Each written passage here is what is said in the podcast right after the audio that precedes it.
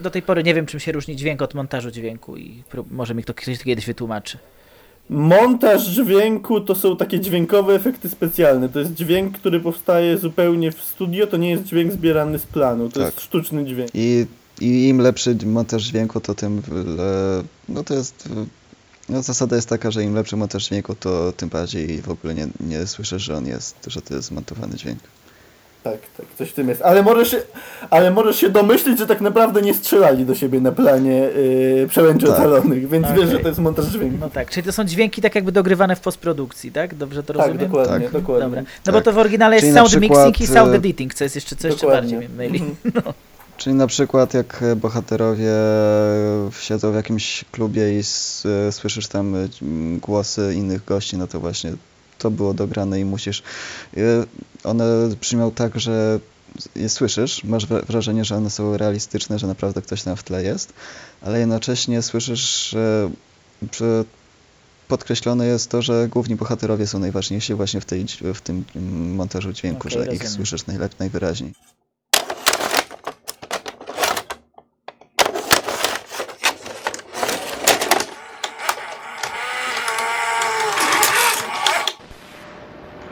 Witajcie w Cinema Podcast, audycji, która przysyła do Was filmowe doświadczenia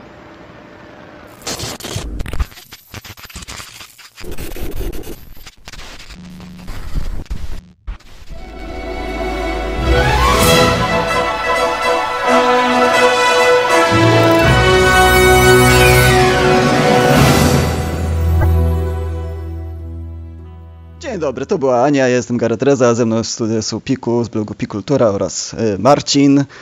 Dziś będziemy rozmawiać o Oscarach, czyli o nagrodach, które nigdy nie miały sensu, nigdy nie miały miarodajne, nigdy nie, one nie doceniały wartościowych filmów, a w ciągu ostatnich net nie lat, ale miesięcy stały się synonimem rozmawiania o filmach w taki sposób, y, z pomijaniem tego, czy te filmy są dobre, czy złe, ale właśnie znajdowania w nich wszystkich tych kwestii, które nie są istotne. O jakich, jakie to są kwestie? A, dobra, od Oscar White zaczynamy. Tak. No to wiesz co, e, z jednej strony to jest akcja, która no jak najlepiej czarni mogą dostawać nagrody, mogą zawsze robić dobre filmy, nie? Nie mówiąc o tym, że mają swoje własne nagrody czarne szpule. Gdyby ktoś zrobił białe szpule, to nie chce mi się nawet myśleć, jakie byłoby oburzenie w branży. No, przecież to Oscary są białe, białe szpule. no widzisz, w tym roku nie. W tym roku, w tym nie. roku nie. Znowu pytanie, czy to jest kwestia afery Oscar So White, czy nagle w tym roku czarni postanowili zrobić lepsze filmy. No, jak patrzę na Moonlight, to mam wrażenie, że jednak to drugie. Jak patrzę na zwiastun ukrytych działań, których jeszcze nie widziałem, to myślę, że jednak to pierwsze. No ja, ja widziałem na przykład Loving, które też wydaje mi się, że potwierdza tą pierwszą opcję niestety. Ale cóż, no Oscary. Najstarsza nagroda filmowa w historii kina. Nagroda, dzięki której Greta Garbo nie została wyróżniona chociaż nadal wciąż o nie pamiętamy. Nagroda, która minęła obywatela Keina. Nagroda, dzięki której mamy wciąż telewizję, bo nie, dzięki Oscarom telewizja stała się popularniejsza dzięki transmisji Oscarów. Wcześniej przed telewizją transmisja była w, w radiu, a dzięki telewizji zarówno Oscary, jak i telewizja zyskały dwa grona odbiorców. A potem, ale to zawsze było właśnie, że Oscary y, albo zupełnie inne nagrody były, zawsze było mówione tak, że ta, ta nagroda została przyznana za coś innego niż za to, że po prostu ten film był dobry.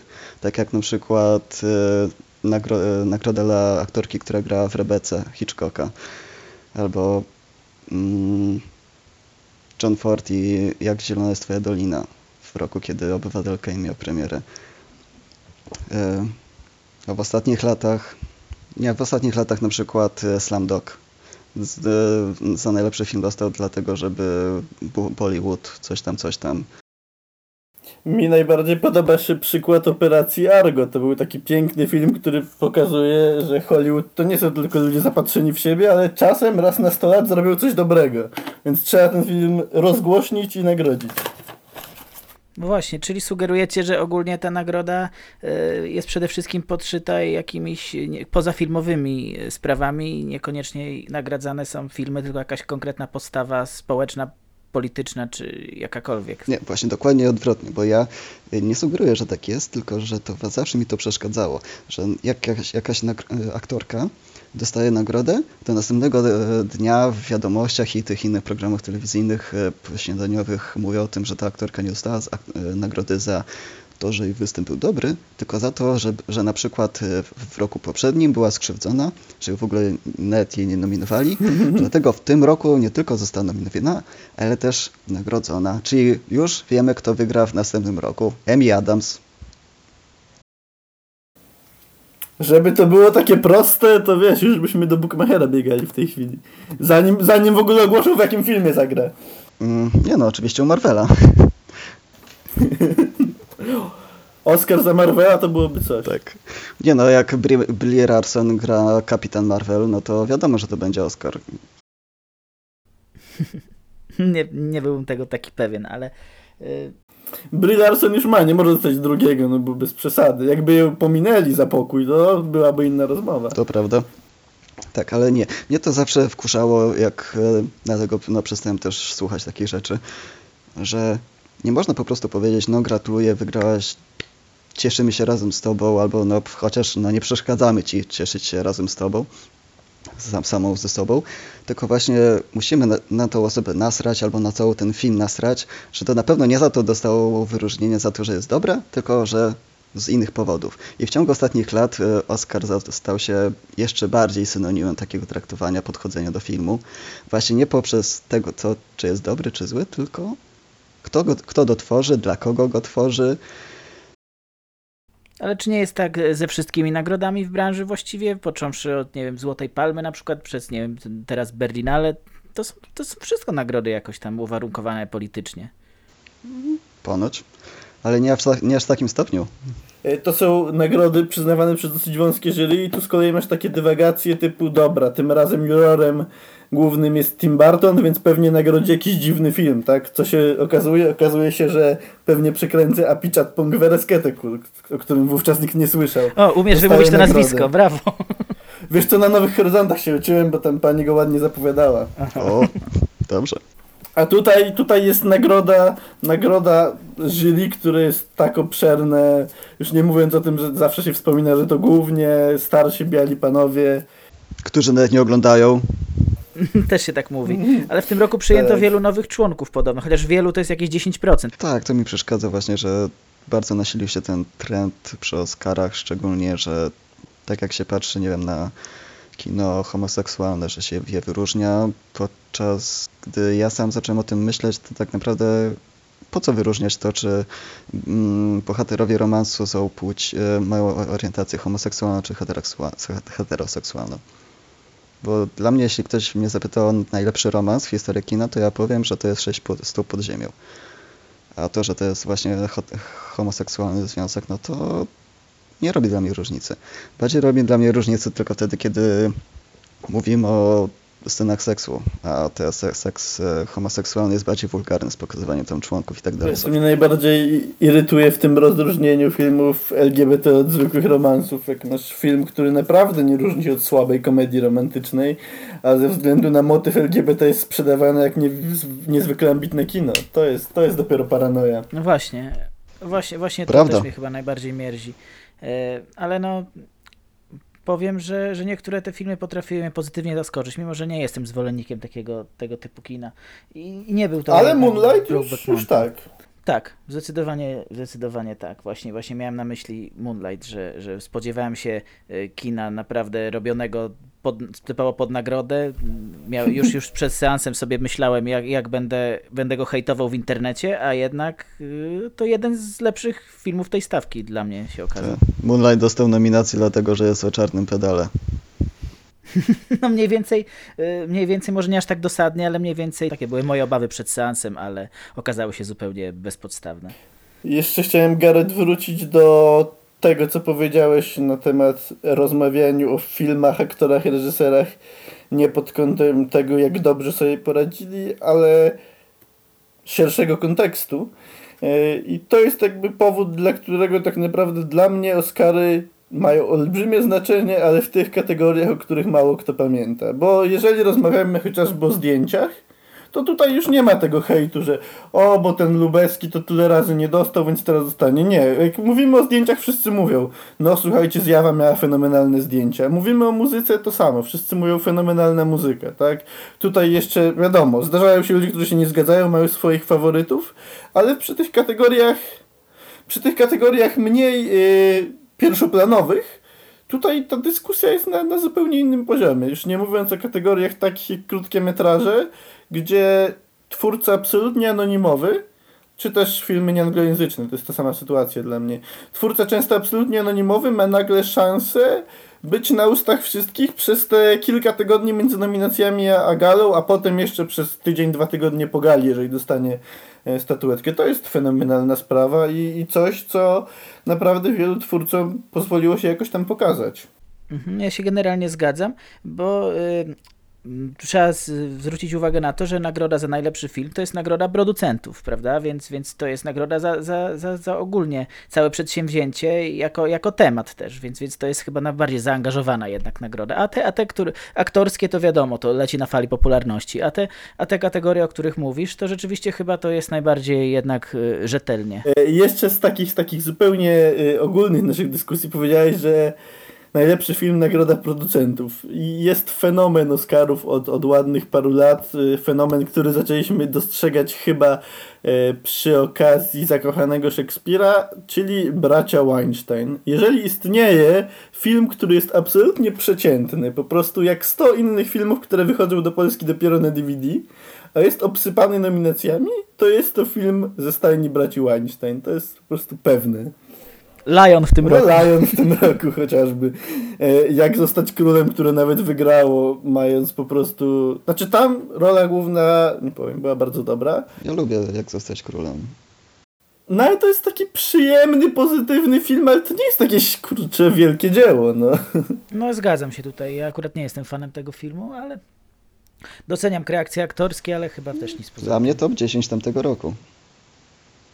Albo na no, top 15. No. Okej, okay, czy mamy jeszcze coś ogólnie do powiedzenia na temat samych nagród, naszych odczuć co do, co do samych nagród, co do afer z nimi związanych i tak dalej, czy możemy przejść do konkretnych kategorii filmów? To, to w ogóle nie powinno mieć miejsca i tyle. No, co mi obchodzi to, ile, ile czarnoskórych kobiet odpowiadało za reżyserię przy tysiącu najbardziej dochodowych filmów w ciągu ostatnich 10 lat z Ameryki. No, czyli podsumuję, no, chodzi nam o same filmy, a nie no, o toczkę wokół nich. Okej, okay, więc zaczynamy od głównej kategorii, y, od najlepszego filmu.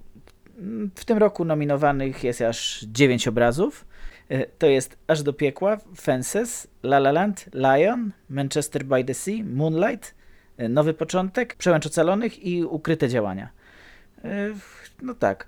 9 filmów, dosyć dużo, chyba, chyba maksymalnie do tej pory było nominowanych 10 z tego co pamiętam, więc, więc naprawdę jest w czym wybierać. 10 na pewno. To jest, to jest limit wyznaczony. To mam w tej chwili, odkąd porzucono nominowanie 5, teraz jest tyle, ile uznają za, za zasługujące, maksimum 10. To, to zapytam Was od razu, może po kolei, jaki, jaki jest Wasz faworyt y, w, w tej kategorii? Manchester Faworyt chciałbym, moje życzeniowe myślenie mówi Manchester by the Sea, moje analityczne myślenie mówi Moonlight albo La La Land. Wygra. Okej, okay. ale w tej kolejności stawiasz Moonlight nad La La Land, czy Tak, wracając do tego, czego nie lubimy, czyli ważna okay. tematyka, tak? Ważna tematyka wywyższa Moonlight nad La La Land, y, aczkolwiek no, postawiłem na to pieniądze, ale nieduże. Rozumiem. E, no La Land e, przez bookmacherów jest chyba bardzo faworyzowany, no ale, ale to może być dosyć duże zaskoczenie. E, w tamtym roku chyba Spotlight też nie był, nie był jakimś głównym faworytem. Na pewno nie był takim żelaznym Na faworytem. pewno nie był. Nie byłem zaskoczony, jak tam rano wstałem się, się o, o tym wiedziałem. Ja byłem przekonany, że wygra, ale nie był faworytem. No ja bym, ja bym też kibicował Manchesterowi jednak z tej, z, z tej puli tutaj jednak film zrobił na mnie ogromne wrażenie. Naprawdę dawno nie widziałem tak, tak dobrego, dobrego filmu. Wydaje mi się tutaj bezwzględnie najlepszy z tej stawki. Y, no, i, i, ale nie obraziłbym się mimo wszystko, jakby wygrał Moonlight czy nawet La La Land. La La Land też jest, też jest yy, uważam, dobrym filmem i bardzo, bardzo mnie zaskoczył. A, a ty, Gareth, jakie masz zdanie na ten temat? Ale wiecie, że wygra Przełęcz Ocalonych? Niemożliwe. Ten Założysz film, się? Ten film ma tak, ma tak słaby scenariusz. E, ja na swoim Facebooku napisałem po wyjściu z kina, że to jest najlepszy film ze słabym scenariuszem tego roku i tego będę bronił. Tak jak w dziesiątym najlepszym filmem ze słabym scenariuszem e, był Avatar, który tam zerżnął z Pocahontas tańczącego z wilkami mm -hmm. i, i, jeszcze trochę z kreskówki Atlantydzie.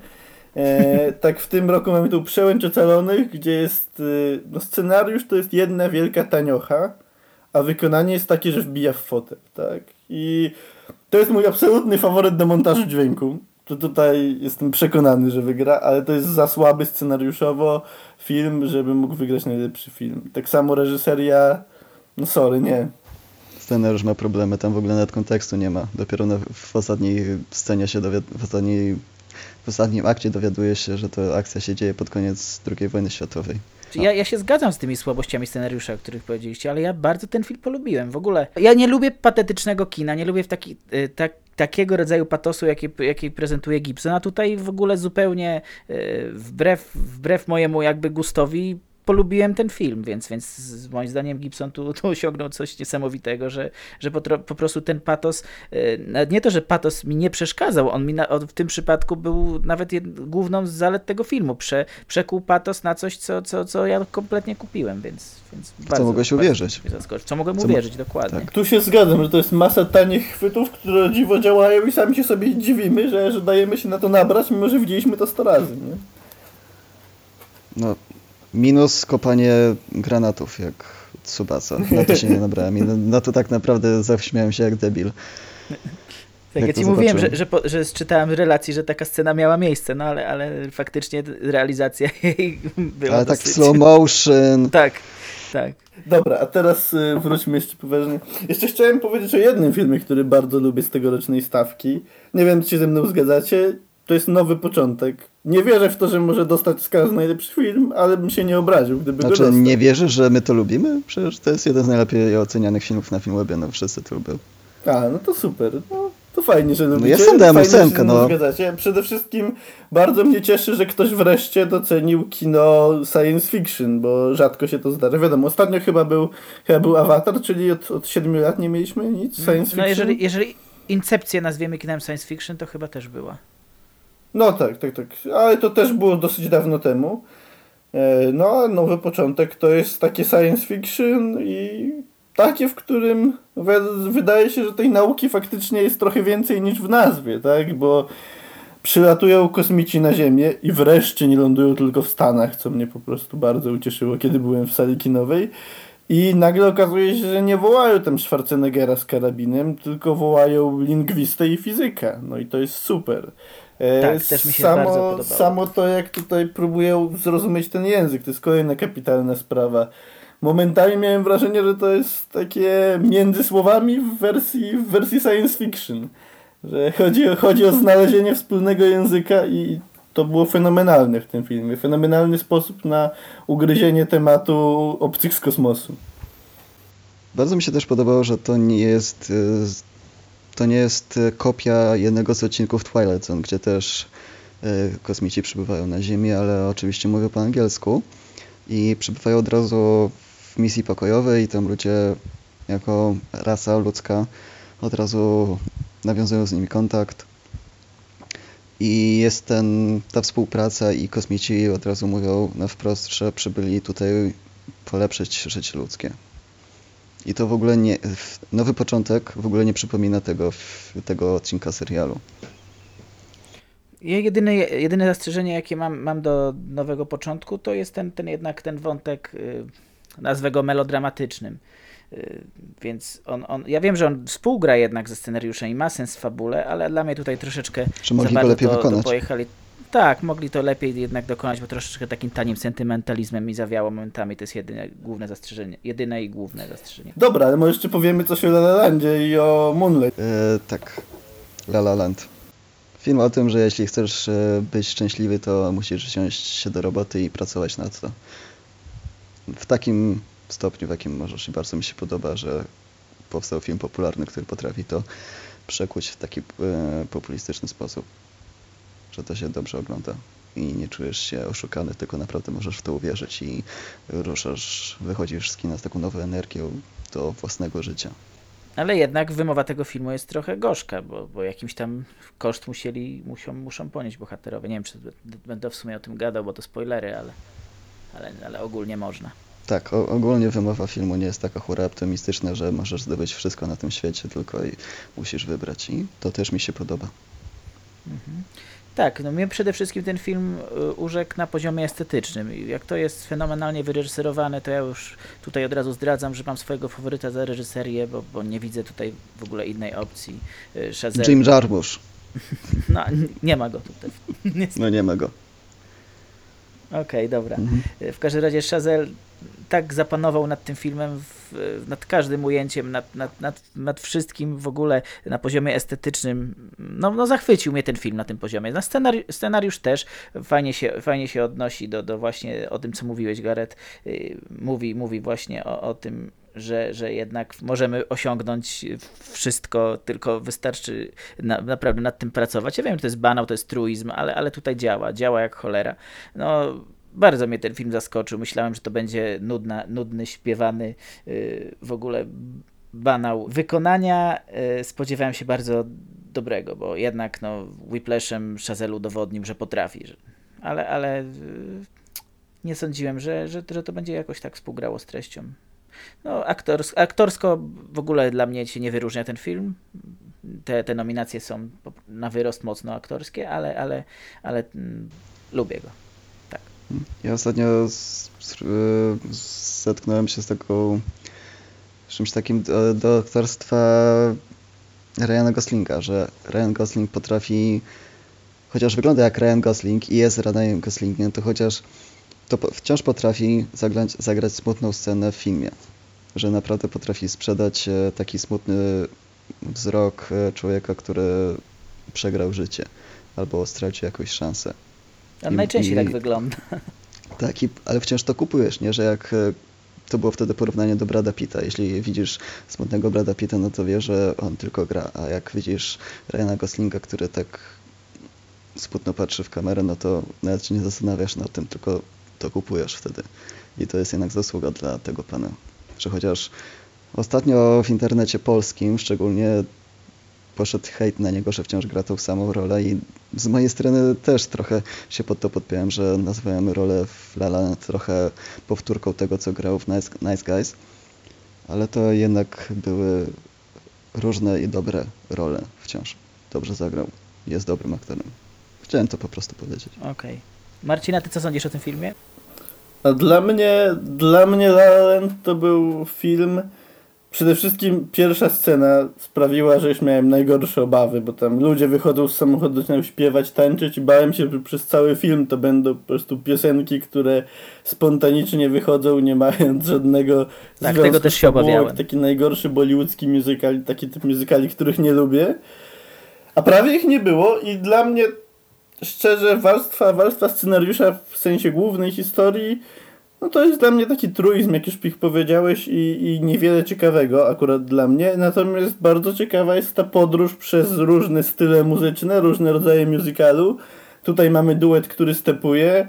E, tutaj mamy, mamy typowo jazzową scenę, gdzie oni siedzą w barze, słuchają takiego klasycznego, fajnego jazzu. E, jest też bardzo ciekawy motyw e, takiej walki, bo z jednej strony pieniądze, które można łatwo zarobić, a z drugiej jakieś tam ideały. E, tutaj nie chcę, nie chcę spoilerować o co dokładnie chodzi, co wybrał bohater. Mamy też bardzo fajną, bardzo mi się podobającą scenę na, na muzycznej scenie wraz z zespołem, gdzie przechodzimy z grania klasycznego do grania bardzo nowoczesnego. Dla mnie to jest film o muzyce i to jest fajna, fajna podróż po, po gatunkach, podgatunkach, e, podróż też po tym, co nam hollywoodzki musical prezentował przez lata.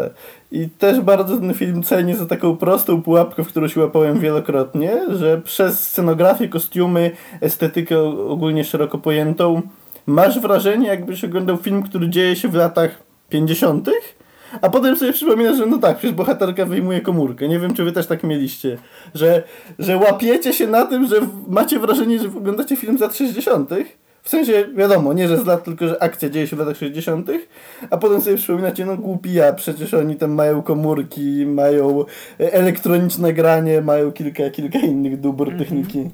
Tak, zdziwiłem się, jak, jak bohaterka wsiadała do Priusa, nie? O co chodzi? I to łapałem się na tym kil, kilka razy, że, że znowu zapominam, że, że to się dzieje, że to się dzieje dzisiaj, więc y, to jest fajna taka, taka podróż. Y, no, estetycznie świetny, muzycznie świetnie. Soundtracku z tego filmu słuchałem już pewnie z 10 razy. No, super. Co do, co do warstwy tam fabularnej, to uważam, że no niestety co, co najwyżej poprawny, tak? Tak bym to określił.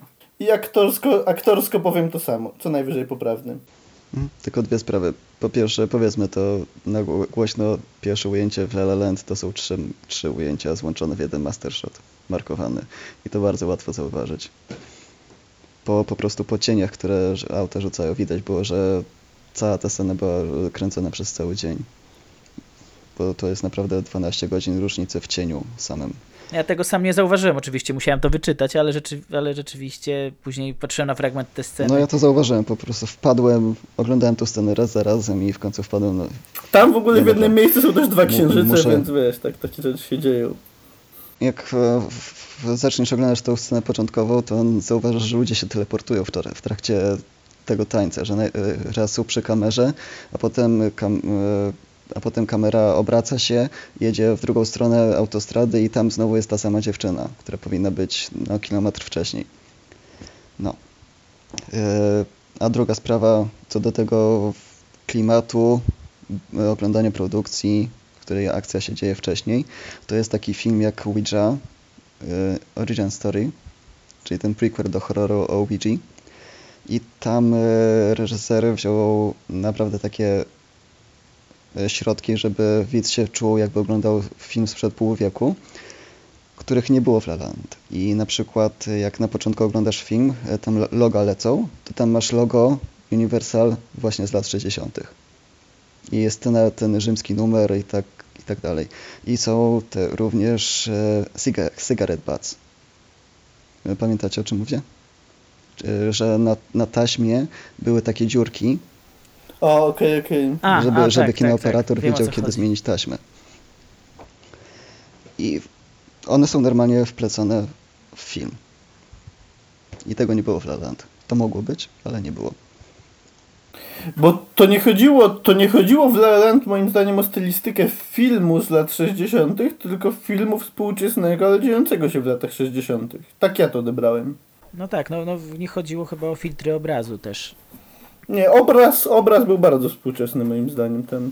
Po prostu ten, e, jak usłyszałem właśnie, że La Land jest stylizowany, to właśnie spodziewałem się takich środków stylistycznych rodem z Ouija, ale jednak tego nie było, ale mogło to być coś takiego istnieje. E, to co, mamy jeszcze do omówienia jakieś filmy z tej kategorii? Moonlight wypadałoby chyba omówić, bo tak, też jest, to też jest mocny zawodnik. Mhm, jasne. Tak jak już wstępnie mówiłem wcześniej, to ogromne zaskoczenie, bo naprawdę spodziewałem się, że, że, że to jest film e, wciśnięty na, na siłę tylko ze względu na, na kolor skóry i, i, i problemy e, z tożsamością seksualną głównego bohatera. Nie, okazuje się, że nie. Film jest świetnie nakręcony, jest bardzo skromny, Y, ale, ale jest naprawdę, ja, ja sobie cenię ogólnie tego typu stylistykę w filmach. Byłem powalony, jak ten film operuje kolorami. Y, świetnie, świetnie używa barwy. Ja w poprzednim podcaście mówiłem, że z Adrianem mówiłem, że Jackie świetnie używa barwy, ale jak obejrzałem Moonlight, to, to stwierdziłem, że, że, że kompozycja kadru kolorystyczna w Jackie jest słaba przy Moonlight. No, ale, ale nie tylko to. Po prostu film ma, y, jest melancholijny, jest, jest bardzo stonowany, jest subtelny. To na pewno nie jest typowy film o, e, o czarnych gangsterach, który, którego się spodziewałem troszeczkę. Nie, nie, to, to jest bardzo liryczny. Spodziewałeś się, że będzie skromny. bardzo homoseksualny czy bardzo gangsterski, bo to się totalnie nie łączy jednak. Masz, masz rację. E, no, no, spodziewałem się, że będzie, że będzie jednak gangsterski, przełamany tym homoseksualizmem. No, nie było największy gangster w historii telewizji, to jest homoseksualista. No, Mówisz o Omarze? Bo nie wiem. Omar, Omar z The Wire. E, Prawo mi... ulicy. Serial, The Wire, tak. A, serial dobra, HBO. Nie, nie oglądałem, to dlatego, dlatego nie no, to wiem. jest trochę zaskoczenie, tak, ale w piątym odcinku swoim... jest zaskoczenie właśnie, jak Omar całuje chłopa i wtedy dopiero się dowiadujemy, że on jest gejem. Ja, tak, ja, ja w swoim komentarzu właśnie nawet na Filmwebie porównałem e, głównego bohatera do Omara, bo stwierdzam, że to mogłaby być jego, jego historia w ogóle, ten cały Moonlight. No ale mm, wracając do, do, do samego filmu, to oprócz, oprócz wykonania, oprócz y, samego kadrowania, tak jak mówiłem, i, i w, ogóle, w ogóle reżyserii, to to jednak film opowiada dość, dość sztampową historię, no, którą kino już, już wielokrotnie y, opowiadało, tylko że no, no, mamy tu ten podział na trzy akty, y, tak, tak wyraźny, y, trzech y, różnych aktorów gra tego samego bohatera w różnym wieku. No, zabieg, zabieg się udał, bo, bo wszyscy moim zdaniem się, się spisali. Y, no, co mogę, co mogę powiedzieć o samym scenariuszu? Nie, nie jest, nie jest najlepszy, ale, ale forma w jakiej został, to tak tutaj analogicznie trochę do La La Land, ale forma w jakiej został podany, chociaż zupełnie inna, no, no przypadła mi do gustu wyjątkowo. Powiem ci, że jeśli chodzi o, o samą tematykę, no ja mam z tym filmem taki problem, że uważam, że on wziął za dużo na swoje barki, tak, bo mamy tutaj temat y, dojrzewania w środowisku slumsów pełnym narkotyków, mamy temat tego odkrywania siebie, odkrywania swojej seksualności, mamy chłopaka, który jest odludkiem, temat tak zwanego bullyingu, tak, gnębienia w szkole, rozbite rodziny.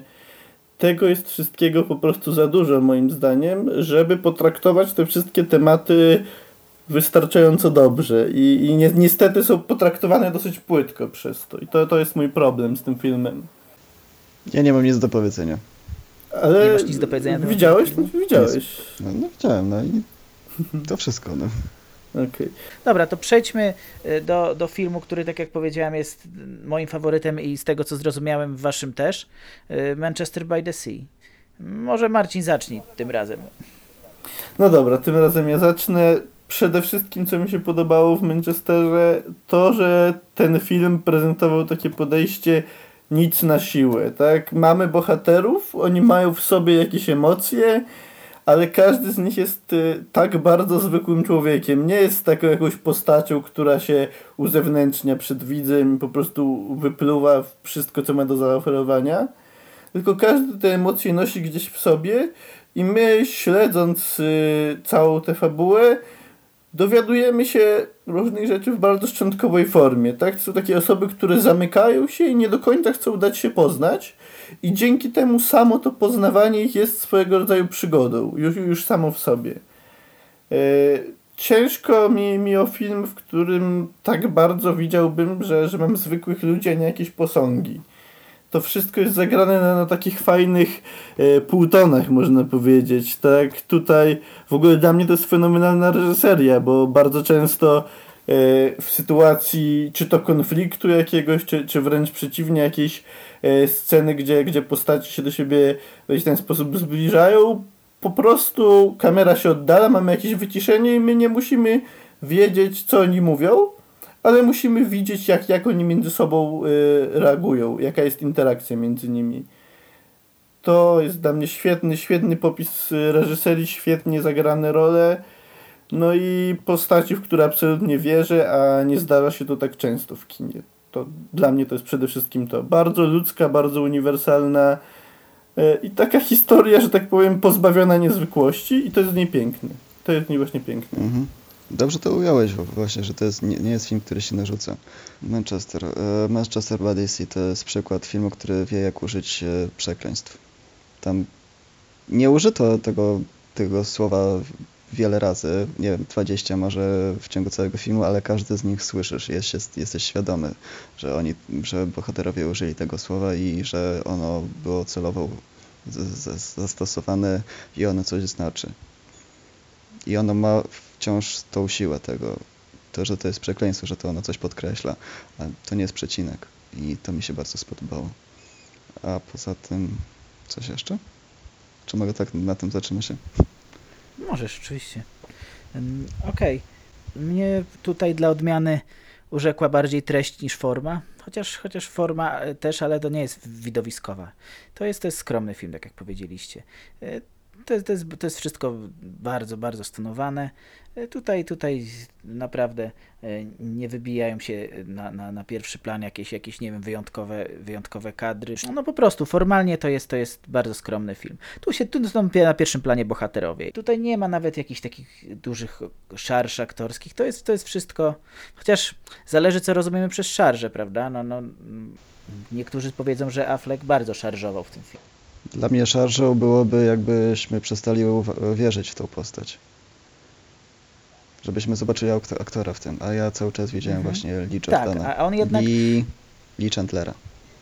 Dokładnie, właśnie Affleck stał się tutaj y, swoją postacią w 100% i, i nawet mimika, gesty, wszystko, y, no, no, no po prostu uwiarygodniało tą, tą postać w moich oczach. Zresztą y, Michelle Williams, mimo że miała tam ze, może ze dwie sceny, a, a, jedną bardzo wyrazistą, której się, o której się dużo mówi, y, to, to też się spisała świetnie.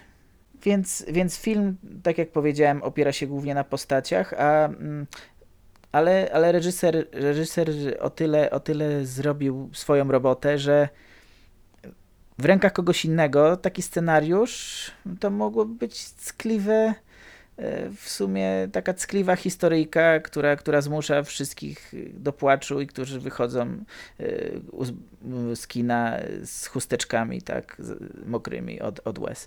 A tutaj wcale tak nie było, mimo że film porusza jednak, jest, jest mocnym dramatem, jest, jest takim e, naprawdę uderzający, to, to to nie jest wyciskacz łez. Ja bym nie nazwał go mimo wszystko wyciskaczem łez, dlatego że między innymi dlatego, że tak jak, tak jak powiedzieliście, nawet on, on, nie, on nie wali wprost tym, tylko, tylko te postacie jakoś tam są nawet nawet z boku i widzisz po ich, po ich geście, po ich mimice, co one, co, co one czują. Nie muszą wywalać tego wprost widzowi, y, patrząc w kamerę a, a, jednak, a jednak przejmujesz się tym. Tylko, że to jest troszeczkę na, na, na innym poziomie. No a druga sprawa to humor. No, trzeba wspomnieć, że ten film ma y, pełno tego humoru i to, i to takiego dosyć nieoczywistego i niespodziewanego, ale, ale jednak y, pokazuje to ładnie nawet, że w życiu nawet y, w takich momentach traumatycznych, dramatycznych czasami, czasami jednak znajdzie się mimo wszystko miejsce na, na, na, jakiś, na jakiś humor, na jakiś żart sytuacyjny. No, bardzo, bardzo mi to razem zagrało. Bo to jest film po prostu o tym, że czasem się wydarzy w twoim życiu jakieś gówno i nic z tym nie zrobisz. I twórcy podeszli do tego tematu tak bardzo dojrzale, bez oszukiwania. Widzę, że na końcu jest jakieś odkupienie czy coś, tylko po prostu musisz, możesz mieć tylko nadzieję na to, że bardziej, bardziej nie spieprzysz sytuacji musisz dźwigać ten ciężar po prostu do końca mm -hmm. życia. E, więc no może szybko aż do piekła. No ja, ja powiem tylko tyle, że, że to jest dla mnie naprawdę ciekawy współczesny western. Trochę się zdziwiłem, że został nominowany, e, ale, ale film jest mocny, jest e, bardzo ładnie nakręcony, ma świetną muzykę, świetne zdjęcia. No, nawet y, Chris Pine mi tu nie przeszkadzał, którego, którego nie lubię, y, więc, więc chyba film jest, film jest ciekawy. No, nie będę o nim za dużo mówił, bo, bo, bo moim zdaniem tutaj na pewno jest y, nominowany tak bardziej z grzeczności, nie wiem, żeby, żeby po prostu tych, tych więcej tytułów się nazbierało, no ale, ale cieszę się, że to nie jest kolejny film o, o czarnych w getcie, mimo wszystko. że, że to jest jednak taki południowoamerykański, teksański, mocne męskie, męskie kino. No. Tyle mam do powiedzenia, nie będę się rozwodził na ten temat.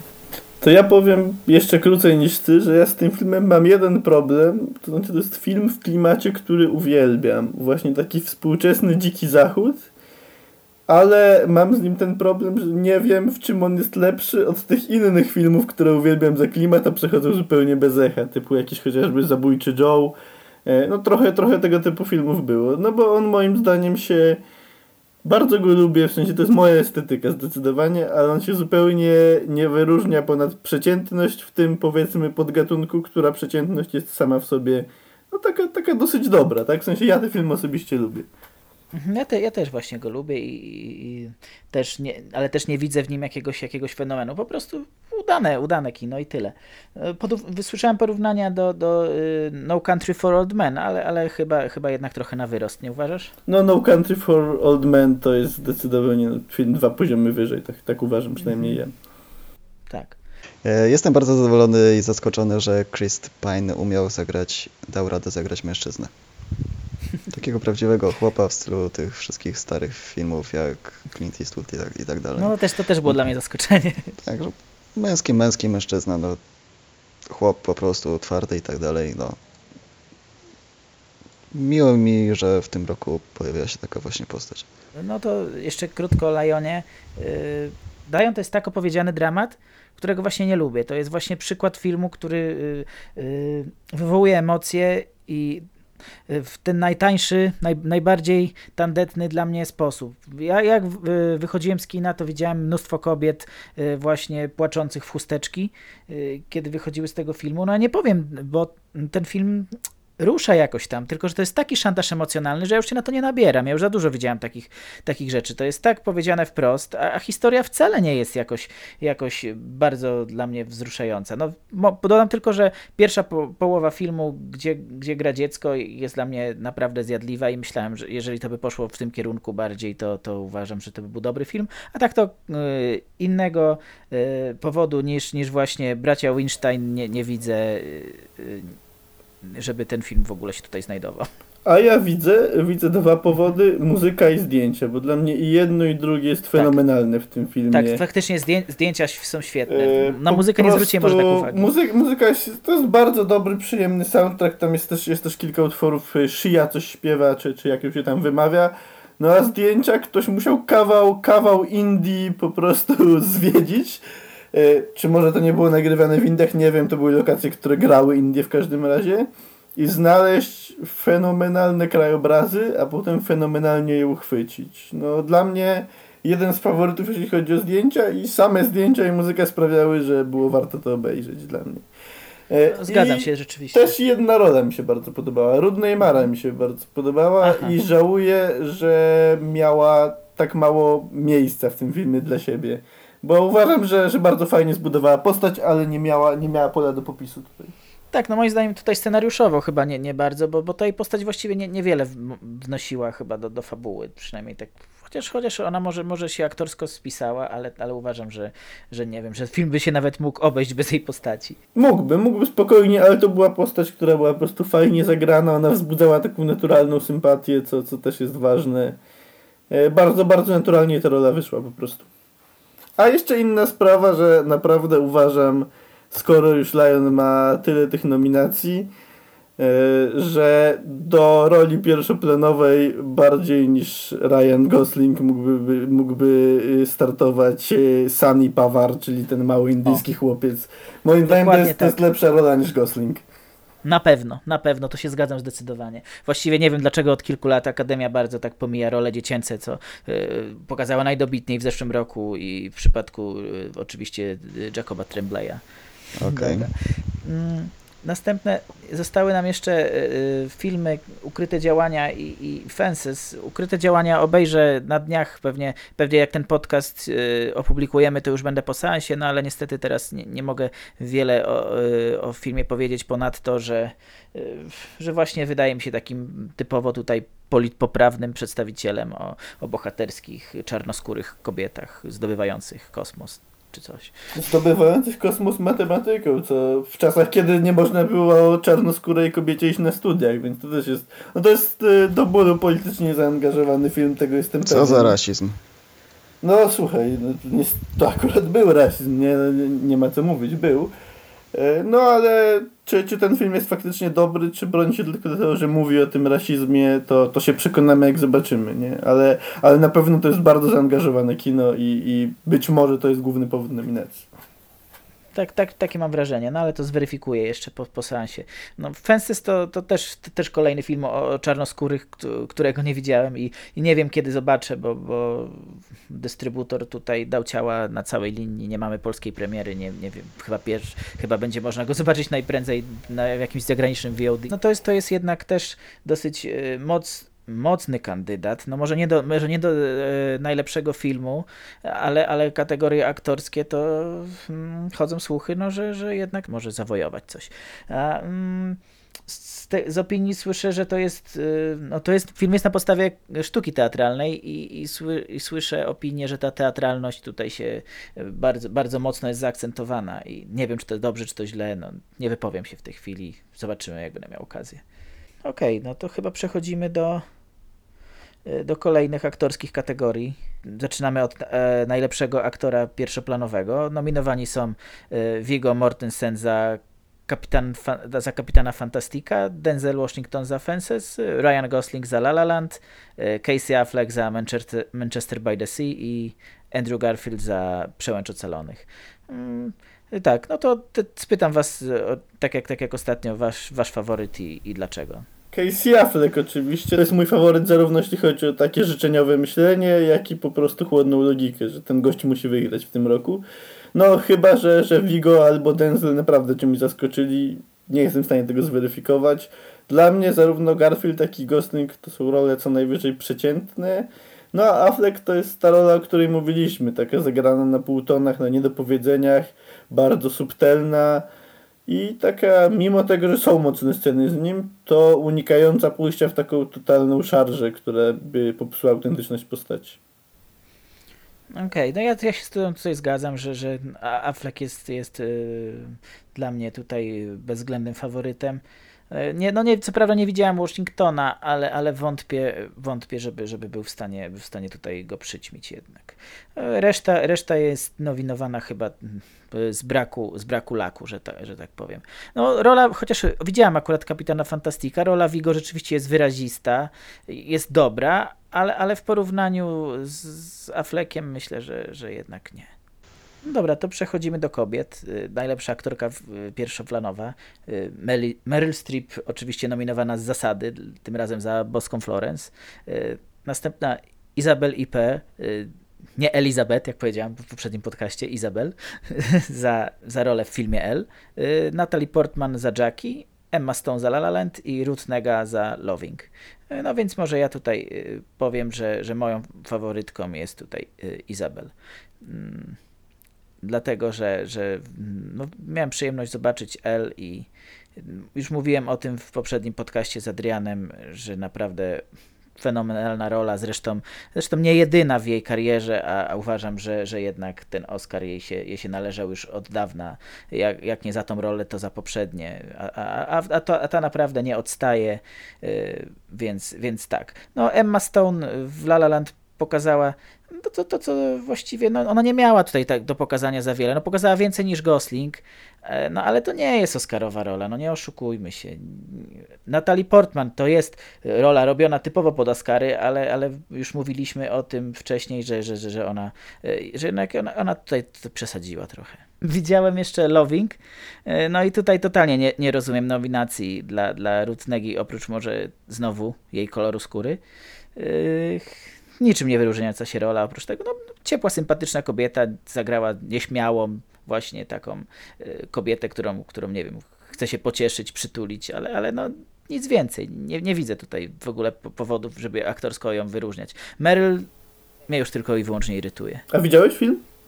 Tak, widziałem Boską Florence. Nie, nie, nie podoba mi się. Znaczy ja widziałem i tutaj jeśli chodzi o nominację dla Meryl, no trzeba się zgodzić z tym, że nie jest, nie jest łatwo aż tak źle śpiewać, naprawdę. To trzeba, tak. trzeba się postarać i tutaj ją doceniam i to była rola, gdzie można było, było coś pokazać.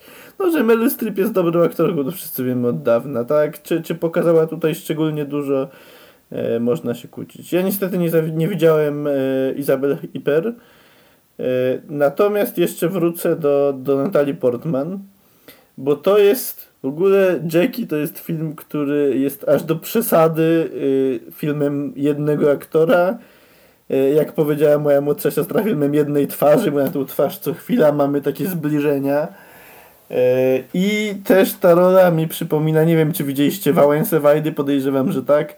I ro, rola Więckiewicza, ona była, ona była dobra, ale momentami, dlatego że znamy Wałęsę też, mieliśmy wrażenie, że on idzie w parodię. Tak? On nie idzie w granie postaci, tylko w pewną taką parodię. I w przypadku Jackie, ja, ja nie znam, że tak powiem, y, mowy ciała Jacqueline Kennedy, no nie jest mi to jakaś postać bliska, natomiast patrząc na to, w jaki sposób grała Natalie Portman, wydaje mi się, że to mogło być to samo, że momentami aż to nie idzie w robienie kogoś podobnego do, do pierwowzoru, tylko w parodiowanie, bo, bo bardzo była zmanierowana w tej roli. Bardzo często takie dziwne grymasy twarzy, Aż takie dziwne, dziwne przedłużanie pewnych dźwięków i to, to mi się szczerze mówiąc nie podobało, to jest, to jest to, co często nazywamy tym przeszarżowaniem, moim zdaniem. Mhm, tak, my, e, my z Adrianem mówiliśmy wcześniej, że, że właśnie w tych, w tych momentach, kiedy, kiedy ona miała grać, że gra, czyli, tak jak, czyli wywiady dla mediów, e, jej wizerunek publiczny, to się spisała w miarę, bo, bo to właśnie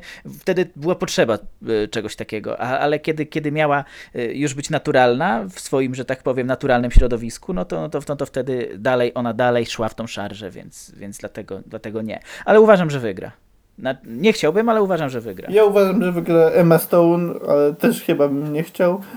No mimo wszystko chciałbym, żeby albo wygrała Natalie Portman z tych osób, które widziałem, mimo że sam powiedziałem, że to nie jest idealna rola, no albo ta Izabel Iper, gdzie nie widziałem, wierzę wam, że, wierzę wam, że jest warta tej nagrody i chętnie zobaczę ten film na pewno. I okay, no ja polecam. Zresztą też zawsze mnie cieszy, kiedy wygrywają filmy nie na jednej z tych kategorii, które się faktycznie liczą. To zawsze pokazuje, że ten Oscar to jednak nie jest, nie jest tylko dla filmów amerykańskich, ale jeżeli ktoś naprawdę zasłuży, to również grając po francusku, norwesku, niemiecku może, e, może dać radę dostać Oscara.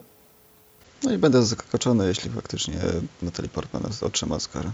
Dobra, to przechodzimy do e, kategorii aktor drugoplanowy. A tutaj, tutaj mamy Jeffa Bridgesa za Aż do piekła, Deva Patela za Liona, Lucasa Hedgesa za Manchester by the Sea, e, Mahershala Ali za Moonlight i Michaela Shannona za Zwierzęta Nocy. E, tutaj bookmacherzy się zgadzają, że wygra albo Ali, albo ewentualnie Patel. I dla mnie są to o tyle dwie role podobne, że obaj nie są drugoplanowymi aktorami, tylko jeden z nich jest pierwszoplanowy przez jedną trzecią filmu, i mówię tu o Alim, a drugi jest pierwszoplanowy przez połowę filmu. I, I w związku z tym są zgłoszeni jak aktorzy drugoplanowi, bo nie ma co się oszukiwać. Pierwsza część e, z trzech, Moonlight, to jest część absolutnie, gdzie Ali kradnie cały ekran, no i to jest, to jest dobra, to jest dobra rola, on, on świetnie się w niej odnajduje. E, Byłem zaskoczony, że nie gra przez cały film. No, było mi trochę smutne, jak się dowiedziałem, że już się nie pojawi, bo, bo naprawdę to jest postać, która, która ten ekran kradnie i, i ma, ma jakiś taki swój magnetyzm. Ja też przyznam się, bardzo lubię, yy, jestem dosyć, dosyć mocno słuchany i bardzo lubię czasem posłuchać tego amerykańskiego języka w wersji tej murzyńskiej, w wersji ze slumsów, jak on wypluwa te słowa z prędkością karabinu maszynowego.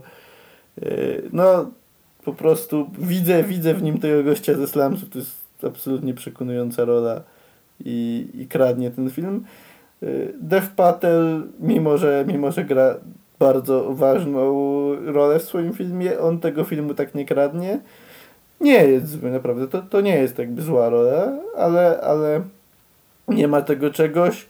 Y, Zwierząt nocy nie widziałem. Lucas Hedges z Manchester by zupełnie mnie do siebie nie przekonał.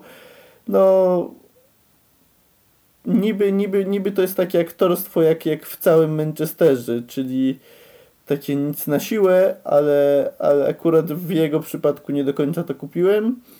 No a Jeff Bridges poprawna rola, ale, ale więcej nie powiem. Dziwne, że przy wyborze najlepszego aktora w ciągu roku dochodzi do tego zdania, że mówimy o, o czyjejś roli. No to nie była najgorsza rola. Chociaż to powinna być właśnie jedna z najlepszych ról całego roku. I chciałbym, chciałbym nominację dla Woody'ego Harrelsona za Edge of Seventeen, bo to była taka charakterystyczna, wyróżniająca się rola, którą zapada w pamięć. No, nie widziałem. Inteligentnej osoby, trwanej, którą po prostu chcemy, chcemy pamiętać. No tutaj właśnie ja z, ja z tą kategorią mam, mam trochę problem, bo jeżeli ktoś miał wygrać, to Ali właśnie z tych powodów, co powiedział Marcin. Dev Patel zagrał wyłącznie poprawnie, nie zwrócił na mnie uwagi. Lucas Hedges doskonale uzupełniał Affleka, no ale był w jego cieniu jednak i, i no to nie jest, to jeszcze on, on ma jeszcze czas, jeżeli, jeżeli on ma być dobrym aktorem, to on ma jeszcze czas na, na, na, na dobre role. Y, ja lubię Bridgesa, ja lubię, ja lubię go w takim wydaniu, ale w takim wydaniu już go widzieliśmy milion razy, tak? On, właściwie zawsze, zawsze gra y, takiego typowego, y, twardego Teksańczyka ostatnio. Nie, nie pamiętam innych jego ról tak naprawdę, w których, w których by nie grał takiej podobnej postaci. Oj, przepraszam cię, Jeff Bridges albo jest takim twardzielem, albo jest takim mniej lub bardziej hipisem. Nie mówię tylko o Biklebowskim, ale też y, chociażby ten y, remake y, Trona, Prawdziwe męstwo. No, no to właśnie prawdziwe męstwo gra podobną postać, y, podobną postać. To właśnie twardziela, ale, ale też są te filmy, gdzie z takim hipisem, takim człowiekiem pokoju, e, nie szukającym zwady. E, no, to, są, to są dwie twarze Jeffa Bridgesa. O, jeszcze Szalone Serce. Tam też nie był twardzielem. Tam był wrażliwcem. Tam był wrażliwcem zdecydowanie. No był wrażliwcem, ale jednak taki, ale takim w kapeluszu, nie? Tak sańczykiem Wrażliwcem w kapeluszu. No tak, tak. No, no to się wyklucza całkowicie. Yy, no Michael Shannon mówi się, że właśnie świetna rola. No ja, ja widziałem Zwierzęta Nocy doceniam tą rolę, bo rzeczywiście y, on, on y, zwracał na siebie uwagę, skupiał bardzo, nawet bardziej właśnie niż, niż Hall, który mu partnerował. Y, ale, ale nie wiem, no też, też jakoś, zupełnie nie mam argumentacji na to, dlaczego bym mu nie dał tej nagrody, yy, więc, więc tutaj ja, ja naprawdę bym, bym dał tą nagrodę Aliemu, ale chciałem go więcej w tym Moonlight. No, on, on jednak uwarunkował jakoś, jakoś tam postać głównego bohatera, jednak ukształtował jakoś, jakoś ten film, można powiedzieć, i, i za to bym mu dał głównie nagrodę, ale za mało go było, za mało. No. Nawet jak na rolę drugoplanową. Przechodzimy do, do aktorek. Tutaj nie widziałem, nie widziałem y, wszystkiego też, bo y, ma, tak, mamy Viola Davis za Fences, mamy Nicole Kidman za Liona, Michelle Williams za Manchester by the Sea, Naomi Harris za Moonlight i Octavia Spencer za Ukryte Działania. To ja tutaj może zacznę. T tak jak mówię, no, ukrytych działań yy, i Fences nie widziałem, ale, ale no, yy, mamy w ukrytych działaniach mamy trzy główne bohaterki. Akurat Osta Octavia Spencer dostała nominację. Ciekaw jestem za co. Ciekawe, czy, czy, czy dostrzegę rzeczywiście, że się wyróżniała yy, spośród tych trzech bohaterek. No, ciekaw jestem. A... Ja wolę bezpiecznie założyć, że właśnie zachwyciła członków Akademii swoim występem. Możliwe. ale, ale, ale ciekawe dlaczego. No, Nicole Kidman y, to y, w Lionie zagrała poprawnie. Nawet nawet nie wiem, czy nie, nie powiedziałbym, że, że no. Przeciętnie. Się jakoś w tym filmie, moim, ale, moim ale, zdaniem przeciętnie tak, zupełnie. Tak? Ale to no, moje wydaje... zdanie, nie? Miała, jasne, no miała, miała tą, tą jedną taką scenę, która była kluczowa dla, dla, dla tam postawy głównego bohatera, w której mi się to podobało, no ale, ale czy, to, czy to rzeczywiście było, było na, tyle, na tyle dobre, żeby to nagradać, nie sądzę. No, tutaj, tak jak już mówiliśmy wcześniej o Manchester by the Sea, Michelle Williams też nie miała wiele do zagrania, ale tą, tą jedną, tą jedną pamiętną sceną tutaj pokazała jednak, że, że warto jej tego Oscara dać. Y, no, Naomi Harris w Moonlight zagrała po prostu, w ogóle mówię, że takich postaci by było wiele w kinie, po prostu uzależnionych y, od dragów matek z patologicznej rodziny, dosyć tego. Nie wiem, czy to była dobra rola, czy niedobra, trudno mi ocenić. Hmm, tyle ode mnie. Dobra, to ja teraz tu wejdę w polemikę od razu. Dla mnie Zacznijmy od tych, o których powiem krótko. No, Nicole Kidman i Michelle Williams to jest ten problem, że było ich trochę za mało, ale być może, być może dla Akademii wystarczy, szczerze mówiąc wątpię. Natomiast Naomi Harris to jest dla mnie rola fenomenalna i fenomenalna o tyle, że ona gra trzy zupełnie różne od siebie kobiety. Mamy ją na początku, gdzie ona jest y, taką fajną laską, tak? fajną laską z małym dzieckiem, jakąś taką młodą, pełną energii, ale ze swoimi problemami. Mamy ją potem w drugim wcieleniu, gdzie widzimy po prostu potwora i taką matkę, której nikomu nie życzymy. I w trzecim, gdzie jest już tą kobietą po przejściach, która z pewnymi rzeczami się, się pogodziła, pewne etapy w swoim życiu zamknęła i no to jest, to jest dla mnie fenomen. Są trzy role, które są od siebie zupełnie różne i one pokazują drogę tej postaci i tą drogę śledzimy w taki sposób nieciągły, tak? Czyli mamy, mamy te duże przerwy i, i widzimy ją jako różne osoby i to jest dla mnie bardzo wartościowa rola i teraz pytanie, co pokazała Viola Davis, że że jednak to ona jest zdecydowanym faworytem, jeżeli wejdziemy na serwisy bukmacherskie. Tak? No my niestety tego nie wiemy. E, mam nadzieję, że, że przyjdzie nam się w Polsce dowiedzieć w jakiś sposób. Dokładnie. No ciekawie, ciekawie e, spojrzałeś na, na, na postać właśnie Harris. Muszę przyznać, że, że, że, dałeś mi, mi tym do myślenia. Jakoś może, może nie doceniłem jej roli, ale rzeczywiście jak, to są, to są tak, jak, tak jak powiedziałeś, trzy różne, trzy różne postawy. No. Ja tego nie zauważyłem, ale być może rzeczywiście zasługuje na, na, na jednak na jakieś uznanie. Gareth nie ma nic do powiedzenia na temat aktorek, więc przechodzimy do reżyserii. Cóż, tak jak powiedziałem, dla mnie, znaczy nie wiem, czy usłyszeliście to, co powiedziałem, ponieważ mogło to być zostać wycięte, ale dla mnie faworytem jest, e, znaczy osobą, która powinna wygrać jest e, Jim Jarmusch za Pattersona, który naprawdę zachwycił mnie na poziomie zarówno scenariusza, jak i reżyserii. Tego, że to był film składający się z klocków, że tak powiem. I każda, każda rzecz na ekranie jakoś tam układała się w całość i całe to mm, cały ten nadzór, jaki miał nad tym, co zawiera się w kadrze i jak to się wplątuje w całą tą produkcję.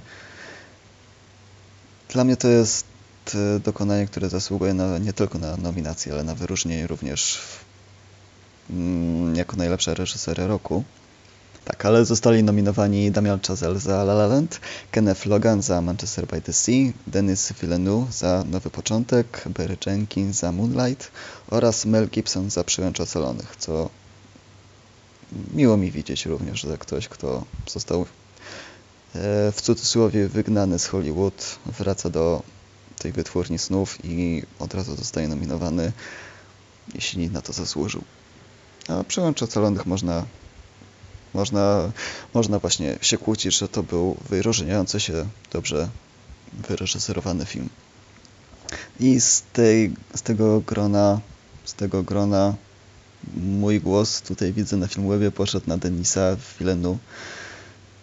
I w sumie tak, zgadzam się sam ze sobą, ponieważ to, było, to była taka reżyseria nie tylko dobra jako rzemiosło, ale też ona w, Mm, wychodziła poza ramy po prostu zrobienia swojej roboty, tylko on y, właśnie wyszedł ponad poziom, zrobił dodatkową robotę w postaci choćby tego wymyślenia nowego języka, na który naciskał, tam przemontował w, w, mm, w finalnym montażu podjął decyzję, żeby w ogóle z, powstał inny film niż on planował. Pierwotnie scena na początku filmu była w zupełnie innym, innej części filmu, jako takiego, ale właśnie podjął decyzję, żeby by wyglądało to inaczej w wersji finalnej dzięki temu mamy film też o zupełnie czym innym.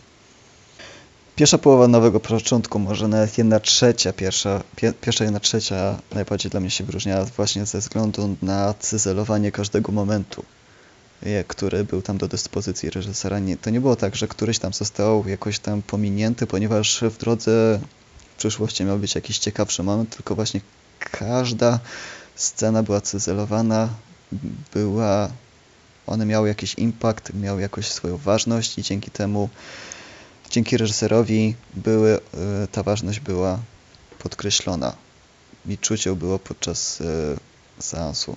Tak e, samo, sama w ogóle informacja o tym, że obcy przybyli była bardzo podkreślona. To że pierwsze wrażenie, pierwsze życie w ogóle na świecie, w którym już mamy tu pewność, nie jesteśmy sami na tym świecie, e, są jakieś inne obce formy, to zostało bardzo dobrze przedstawione dzięki reżyserii. Ale najbardziej oczywiście był moment e, tego oczekiwania na pierwszy kontakt. Jak oni tam podchodzili do tego statku kosmicznego, jak e, dopiero wtedy dowiadywali się, jak ten statek działa, jak w ogóle wygląda kontakt i samo oczekiwanie na zobaczenie tej postaci. Bo to było napięcie tak jak porównywalne, nie wiem, z kontaktem albo ze Stargate. Że idziesz na film i nie wiesz, co będzie. Czekasz na coś, co, co, co ten film przed tobą ujawni. Właśnie był to wizerunek tych obcych, i ten kontakt z nimi, jak relacja z nimi wygląda. I docenia właśnie najbardziej Villeneuve właśnie za tą reżyserię w tym roku.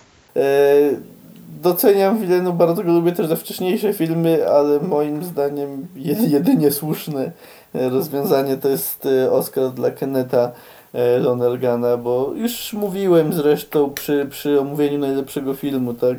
Bardzo mi się podoba to, jak on moduluje cały ten film, jak wie w którym momencie przycisnąć, w którym odpuścić, w którym momencie wcale nie musimy słyszeć naszych postaci, żeby doskonale czuć e, relacje między nimi i dla mnie, dla mnie tego typu detale to jest taki najlepszy wyznacznik filmu dobrze wyreżyserowanego. Nie tylko dobrego, a właśnie dobrze wyreżyserowanego, że mamy, mamy te momenty, kiedy potrafi odpuścić, kiedy przycisnąć. To jest, to jest świetne w tym filmie. Y, jeśli chodzi o mnie, to patrzę, cholera, same, mamy same naprawdę dobrze wyreżyserowane tak, filmy. Tak. Ja nie widzę tutaj... W przeciwieństwie do aktorów, gdzie mówiliśmy tu przeciętnie, tu, tu nieźle, tutaj mamy pięć bardzo dobrze wyreżyserowanych filmów, z czego jeden miał słaby scenariusz, o czym mówiłem wcześniej. Właśnie. Y, ale reżyseria jednak trzeba powiedzieć, że jest na, na wysokim poziomie. Wszyscy, wszyscy, którzy reprezentują, to mam naprawdę problem, bo y, jednak ostatecznie y, swój głos bym oddał na, na Shazela, dlatego że z filmu, który teoretycznie jest w ogóle nie dla mnie, czyli, czyli musicalu, zrobił, zrobił rzecz, która, która mnie w jakiś sposób zachwyciła. Dlaczego już mówiłem wcześniej, ale naprawdę facet ma, młody chłopak ma, a ma niesamowite wyczucie właśnie w w stwarzaniu takiego odpowiedniego nastroju. No. Ja, ja bardzo lubię zresztą jazzową muzykę, więc tutaj się, tutaj się z nim jakoś nadaje na podobnych falach i, i a on tutaj właśnie tak tą swoją miłość do muzyki i, i, do kina jednocześnie. Tak pięknie w ten film wplódł, że, że ja naprawdę byłem, byłem tym zachwycony, że tu widać, że to jest film, no wiadomo, to jest najbardziej chyba komercyjny film z tej stawki. A mimo wszystko jest, widać w nim tą miłość do kina, nie tylko, nie tylko e, chęć, chęć liczenia kolejnych banknotów. Ja tutaj, ja tutaj naprawdę widzę szczero, szczerą miłość i za to bym jednak oddał głos na Szazela, mimo że e, nie, nie potrafię zarzucić za wiele żadnemu innemu twórcy. Mhm. Również nie wątpię w to w uczucie Chazela. E, dobra, przechodzimy do scenariusza. Scenariusz oryginalny, tutaj mamy 20th e, Century Woman Mike'a Millisa, którego chyba jeszcze nikt z nas nie miał przyjemności oglądać, bo jest jak w ogóle poza zasięgiem na razie. E, aż do piekła, La La Land, Lobster i Manchester by the Sea. No ja tutaj akurat, jeśli chodzi o scenariusz, to nawet się chwilę nie zastanawiałem. Manchester by the Sea to jest, to jest po prostu, tak jak powiedziałem y, wcześniej, to jest kunszt scenopisarstwa, naprawdę to jest y, tak, na, tak świetnie napisany film, tam każda każda linijka dialogu wybrzmiewa tak, jak powinna. Nie widzę tu ani jednej zbędnej sceny, czy źle napisanego dialogu po prostu. Wszystko mi w tym, w tym filmie scenariuszowo gra idealnie. A ja mam tutaj ten problem, że są dwa filmy, które uwielbiam, które mają zupełnie inne podejście, czyli ten bardzo przyziemny i dzięki temu świetny Manchester i Lobstera, który jest jakimś absurdem. To jest czysty, czysty absurd, y, jakieś tam nawiązanie do czasów Tindera, że tak powiem. E, I to jest naprawdę świetny, inteligentny scenariusz dla mnie. E, to jest scenariusz, gdzie siedzisz, oglądasz film i zastanawiasz się, co tutaj chcą nam przekazać, tak? Czy, czy to jest film bardziej o tym, e, żeby nie szukać tych przyrodnych romansów, że niczego nie prowadzą, czy o tym, żeby w ogóle nie traktować e, dobierania się w pary jako jakiś obowiązek, który ma każdy człowiek przed sobą, czy, czy o tym, że pójście w którąkolwiek stronę z założeniem, że tylko jedna droga jest właściwa, e, to jest już błąd sam w sobie. To jest naprawdę bardzo taka pobudzająca kreatywność metafora, która też sama w sobie jest podana w taki absurdalny, bardzo zabawny, bardzo świeży sposób.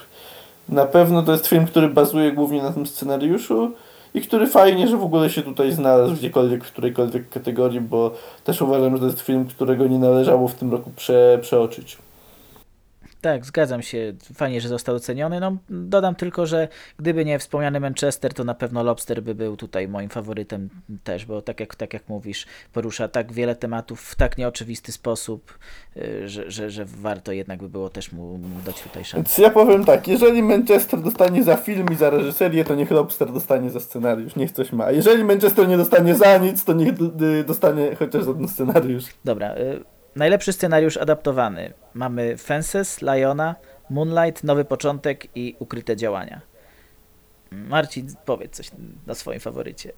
Mój faworyt jest oczywisty, jeżeli ktoś słuchał z początku, nowy, nowy początek, bo to jest film, o którym mówiłem. Fenomenalne podejście do sprawy obcych, fenomenalne podejście do tego, że to nie jest kwestia karabinów, to jest kwestia tęgich umysłów. Film, który jest autentycznie naukowy, film, który mógłby się trochę inaczej kończyć, ale przymknijmy na to oko, bo już samo to, jak, jak jest tutaj zbudowana problematyka tego wszystkiego, dla mnie to jest, to jest warte tej nagrody.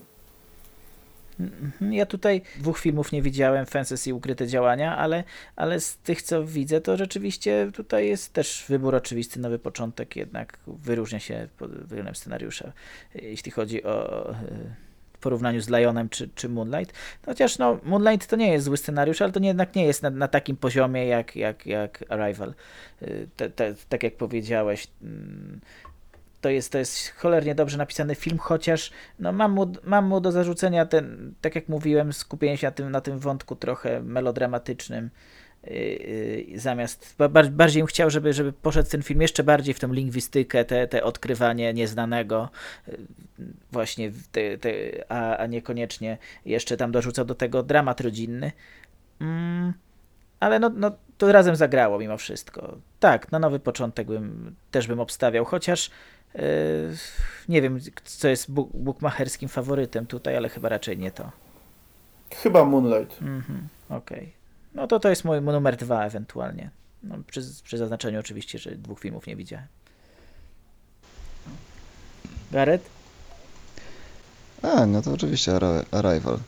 Dlaczego? Bo tam z, za zmianę względem e, materiału źródłowego. Czytałeś książkę? Nie, ale właśnie nie było tego języka na przykład, nie? Chociaż to chodzi, nie do końca podchodzi właśnie pod ten y, scenariusz, to bardziej tak, bardziej producenc, producenckie, nie jestem pewien nawet, ale to za zmianę względem tego oryginału i że to wszystko zostało przekute na taki język filmowy. Nie czuję, że to było kiedyś opisywane, że nie w, mm, jak oglądasz chociażby tą scenę spotkania z obcymi, to nie masz w głowie jakichś słów, które opisują to, to wrażenie. To jest po prostu obraz, którego nie da się opisać i jesteś pod y, nie, niewysłowionym wrażeniem. Tyle, że scenariusz to jest tekst, więc jednak musiałoby klimatu. się to jakoś dać opisać, żeby to wyreżyserować. Ale to właśnie zostało przekute na obraz. Mhm. Że, Czyli no, scenariusze no nie powinno się czytać, powin, scenariusze powinno się zekranizować. Okay. Teraz bardzo ciekawa, przynajmniej dla mnie kategoria, najlepszy film anglojęzyczny, więc y, tutaj przeważnie y, są nominowane naprawdę dobre filmy. Chociaż no, też, też czasami można powiedzieć, że te nagrody są trochę polityczne, e, ale, ale no, lubię, lubię, lubię tą kategorię, bo pozwala mi odkrywać na nowo jakieś nieznane rejony kina. Mm, tutaj widziałem niestety tylko dwa filmy do tej pory, Toniego Erdmana i, i Klienta.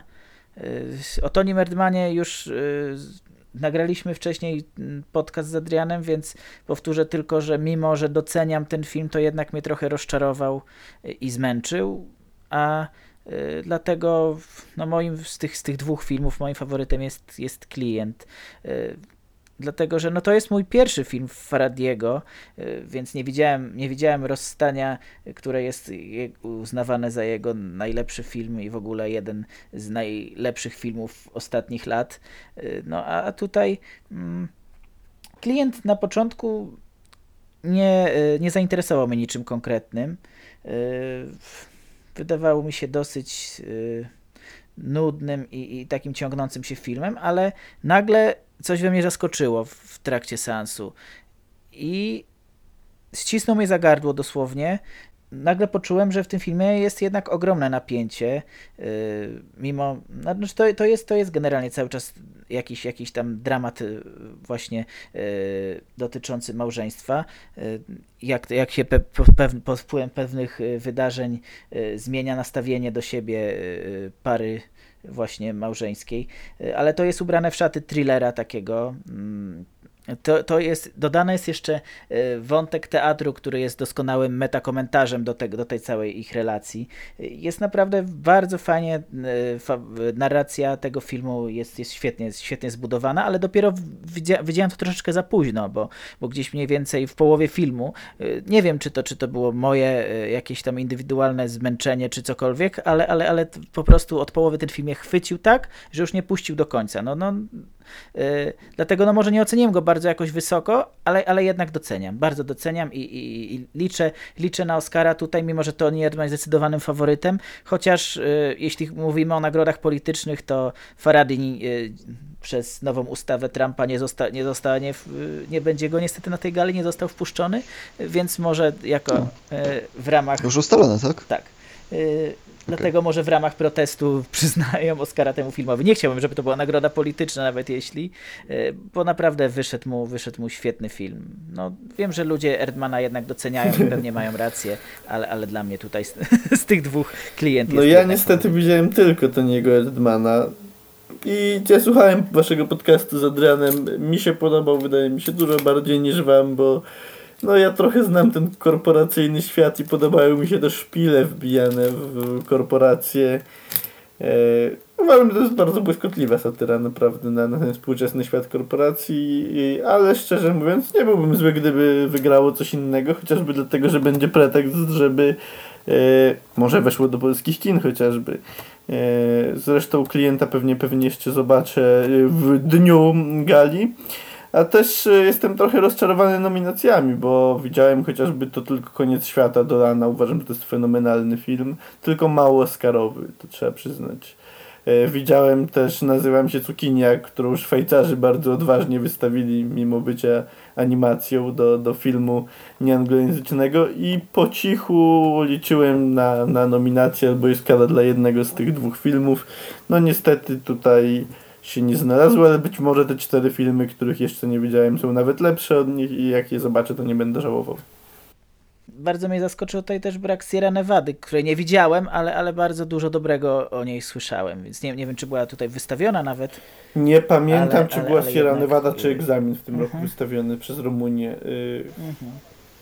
No właśnie, oba filmy były dosyć docenione, chociaż tylko w egzamin Sierra widziałem. Nevada. Ja Sierra Nevada widziałem, ale kurczę, no, trzygodzinny film, którego akcja dzieje się głównie w jednym pomieszczeniu, to nie jest film Oscarowy po prostu. Musimy, musimy jakoś z tym faktem żyć, że to, że nam się podobało nie znaczy, że to są filmy Oscarowe, no i tego nie lubimy, że się dzieli filmy na Oscarowe i też bardzo dobre, ale zupełnie nie Oscarowe, ale każda gala się rządzi swoimi prawami, nie? Dobra, no to co, Gareth, chcesz coś powiedzieć o, o nieanglojęzycznych filmach? Widziałem tylko jeden z nominowanych tytułów. Tony Erdman, który nastawiłem się na jakąś komedię, na którą o której cały czas słyszałem, że właśnie wszyscy zrywali boki ze śmiechu. A ja nawet nie, nie jestem pewien, w którym momencie twórcy podejmowali próbę, żeby rozbawić widza. Cóż, taka to komedia. Dla mnie to bardziej, bardziej taki smutny film, nawet nie, nie potrafię zdefiniować w jaki sposób taki tragikomiczny bardziej, który nie chodziło o to, że to ma być śmieszne. I pozostałych czterech nie widziałem, nie mam zamiaru, nie mam ochoty i po prostu są inne filmy, które są nieanglojęzyczne i które bardzo mi się podobały i które powinny dostać wyróżnienie. Czyli na przykład chociażby Po burzy Koredy, film japoński, nie wiem czy nawet był nominowany do Oscara z tego kraju, znaczy wystawiony do, do konkursu. No ja, ja y, też się zastanawiam a hmm. propos mm. filmów azjatyckich, dlaczego, dlaczego nie ma służącej, ale to... Nie była, nie była wystawiona Też służąca. słyszałem w ogóle, że nie została wystawiona z Korei, więc... Tam podobno też coś politycznego, że on się źle wypowiadał o władzach i tak dalej. To wiesz, takie rzeczy, Aha. które są jakby poza, po, poza okay. nami. Tak.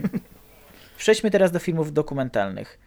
Więc tak, y, Nominowane są y, Fuku Amare Ogień na morzu, OJ Made in America, Życie animowane, I Am Not Your Negro i 13 y, w, w sumie, szczerze wam powiem, no nie, nie, niestety nie widziałem żadnego filmu. Więc no, tutaj akurat nie mam, nie mam zdania. Y, słyszałem, że OJ bardzo się wyróżnia na plus z tej stawki, ale to tylko mówię z, z tego, co przeczytałem i z tego, co udało mi się usłyszeć. Może, może wy macie coś więcej do powiedzenia w tej kategorii. Ja widziałem akurat OJ i mogę zarekomendować tę e, produkcję. Mianowicie to jest 7-godzinny dokument poświęcony całej tej sprawie, e, całemu procesowi O.J.A. Simpsona, który no cóż, muszę opowiedzieć trochę o tym dokumencie, więc tak dwie minuty dla mnie. To jest wstęp do takiego całego portretu e, Ameryki tamtego okresu, jak, e, jak bardzo rasizm i tak dalej wpływał po prostu na ocenę człowieka, jak, jak ludzie odbierali O.J.A jak jak on sam odbierał samego siebie. I tutaj, mm, no i oczywiście, nie wiem czy, nie wiem czy oczywiście, ale nie wiem czy, mm, bo to jest najsłynniejszy niby proces e, w historii, nie tylko Ameryki, ale tak naprawdę całego sądownictwa, w którym chodzi o to, że O.J. zabił swoją żonę i jego, jej kochanka i był za to e, sądzony. Problem w tym yy, i został właśnie uniewinniony, dlatego że cała czarna społeczność była za nim. I, ale, I właśnie dokument prezentuje, jak do tego doszło, że czarni yy, stawali za, czarnym, za, za, za, czarną postacią, która była jednocześnie najbardziej biała w całej Ameryce. Że jednocześnie, chociaż zdradził swoją rasę, że tak powiem, to czarni byli za, za nim. Okay. Jak do tego doszło. I to, i to samo streszczenie długo trwało, a te, i w ten sposób pokazuje, że te 7,5 godziny jest dobrze wypełnione. Okej, okay, czyli a uważasz, że, że to jest obiektywnie nakręcony dokument?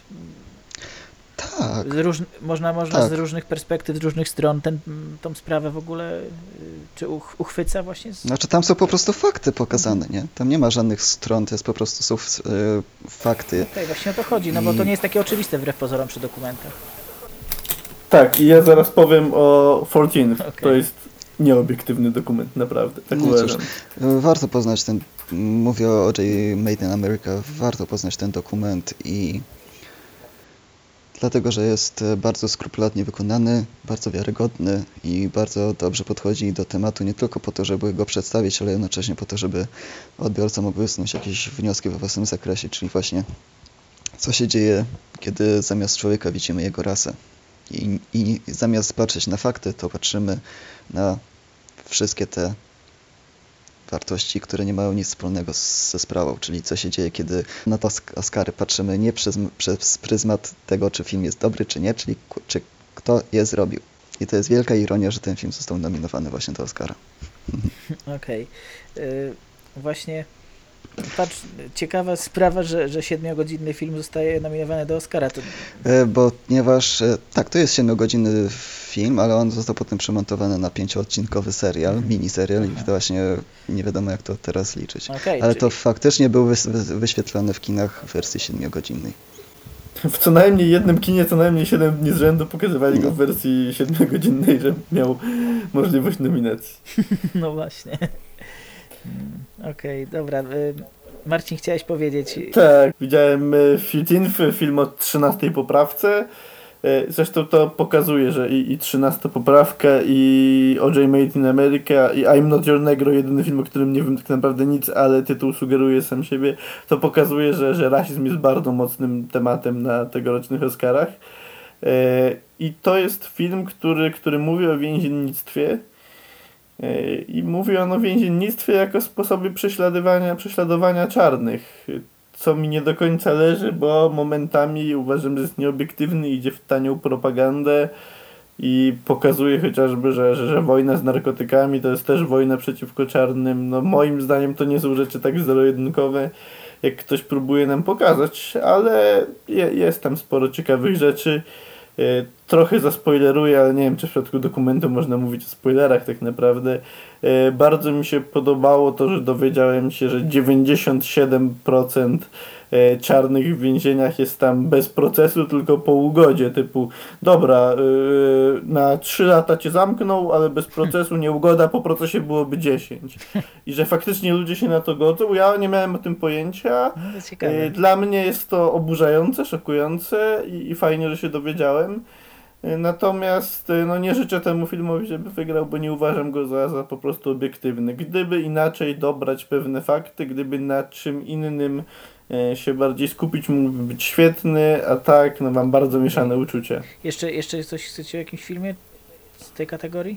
No myślę, no. myślę że nie mamy Dobra. za dużo do powiedzenia tutaj. E, jeszcze można dodać, że, że jest w tym roku jeden film e, europejski, tak, zwycięzca chyba festiwalu w Wenecji, w Komary, mhm. Ogień na morzu. I też mnie cieszy, że ten europejski dokument wśród, wśród e, dokumentów pełnometrażowych się znalazł. No fajnie. Plus dla Oscarów Europa no, też gdzieś chyba istnieje. poruszający temat e, imigrantów, tak. imigrantów. Tak, widziałem go na Nowych Horyzontach, akurat ja zapomniałem w ogóle, ale tak, mam do niego mm, dwa słowa do nim do powiedzenia i to jest dokument właśnie o emigrantach opowiedziany z trzech punktów widzenia E, ze strony samych imigrantów, tego jak e, oni są zbierani z tej łódki i przewożeni na wyspę, gdzie tam są, jest, jakaś im tam pomoc jest zapewniana oraz po prostu z życia codziennego tej e, e, wyspy, bo tam normalnie ludzie mieszkają i oni żyją e, kompletnie oddzielnie względem tego, tych, tych wydarzeń w związku z migracją. Syryjczyków do Europy i innych e, muzułmanów i raz, że można tam zobaczyć takie naprawdę e, barwne zdjęcia, nie? czyli widzimy jak ci wycieńczeni e, imigranci naprawdę są zbierani ledwo żywi z łódki i to nie są przyjemne rzeczy do oglądania, bo to jest naprawdę tak ledwo, oni są ledwo żywi. I dobrze sobie przypomnieć, że faktycznie to ma miejsce, a nie, że imigranci to tylko ci 25-latkowie, którzy udają 12-latków, mm, żeby mieć wyższy zasiłek. Nie? E, I, I wszystko to jest jeszcze konfrontowane razem e, z życiem tej osady, czyli tam jest na przykład e, śledzimy małego chłopca, który jest małym chłopcem i na przykład buduje sobie procę i strzela z niej do żaby. Okej. Okay. Dobra, e, to jak jesteśmy już w temacie dokumentów, to od razu omówimy krótkometrażówki e, dokumentalne. E, mamy, mamy 4.1 Miles, Białe Hełmy, Extremis, Joe's Violin, Watani, My Homeland.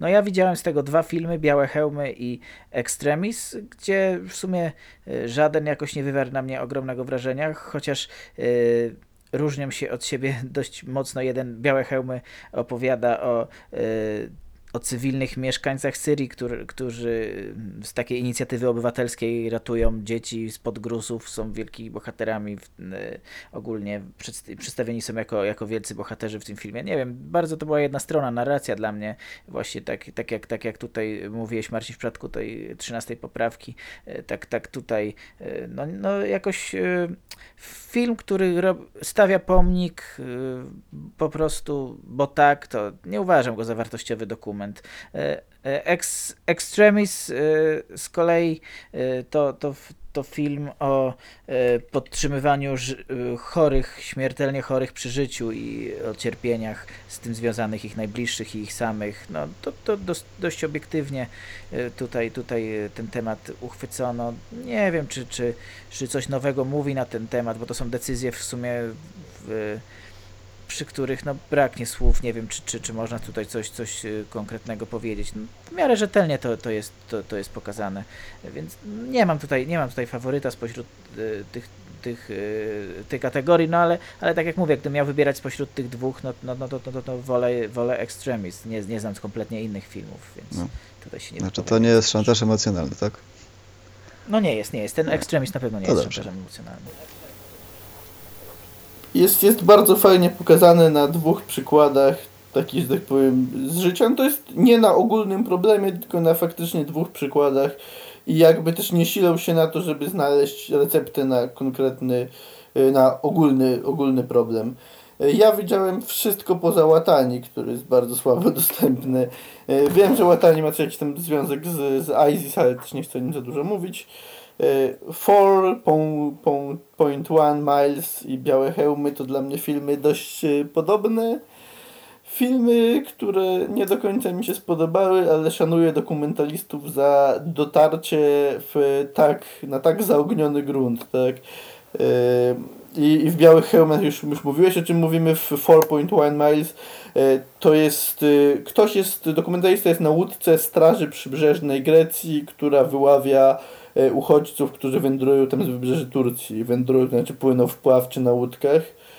No i, i tam faktycznie czapki z głów dotarcie na, na taką łódkę i robienie filmu stamtąd.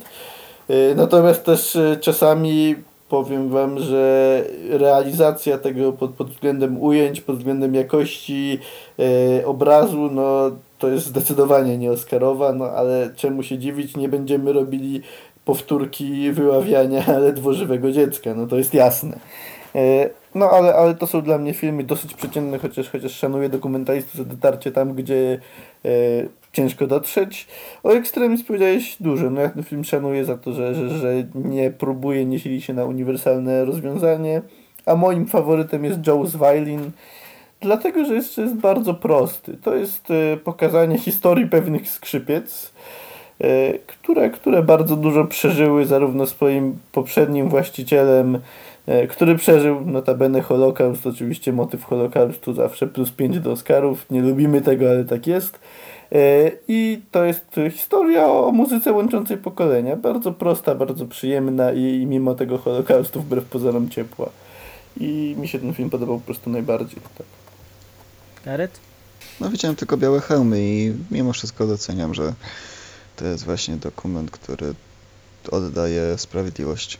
Myślisz, że oddaje sprawiedliwość? Tak, tym ludziom, którzy tam, mhm. tam robią te wszystkie rzeczy, które narażają życie. I mhm. dobrze, że takie dokumenty powstają mimo wszystko. Nie mam, nie mam jakiejś własnej wiedzy na ten temat, nie jestem pewien, czy czegoś tam nie ukryli, może ci ludzie tam są, mhm. też wysadzają, a potem sami naprawiają, nie wiem. Może tak jest. No no, w kwestii muzyki może, może będziemy mieli, mieli coś więcej do powiedzenia. No ja tutaj e, no, z, tych, z tej stawki A jest nominowane e, jest nominowana Jackie, La La Land, Lion, Moonlight i Pasażerowie. Nie widziałem Pasażerów, ale jakoś e, wątpię, żeby ten soundtrack był wybitny.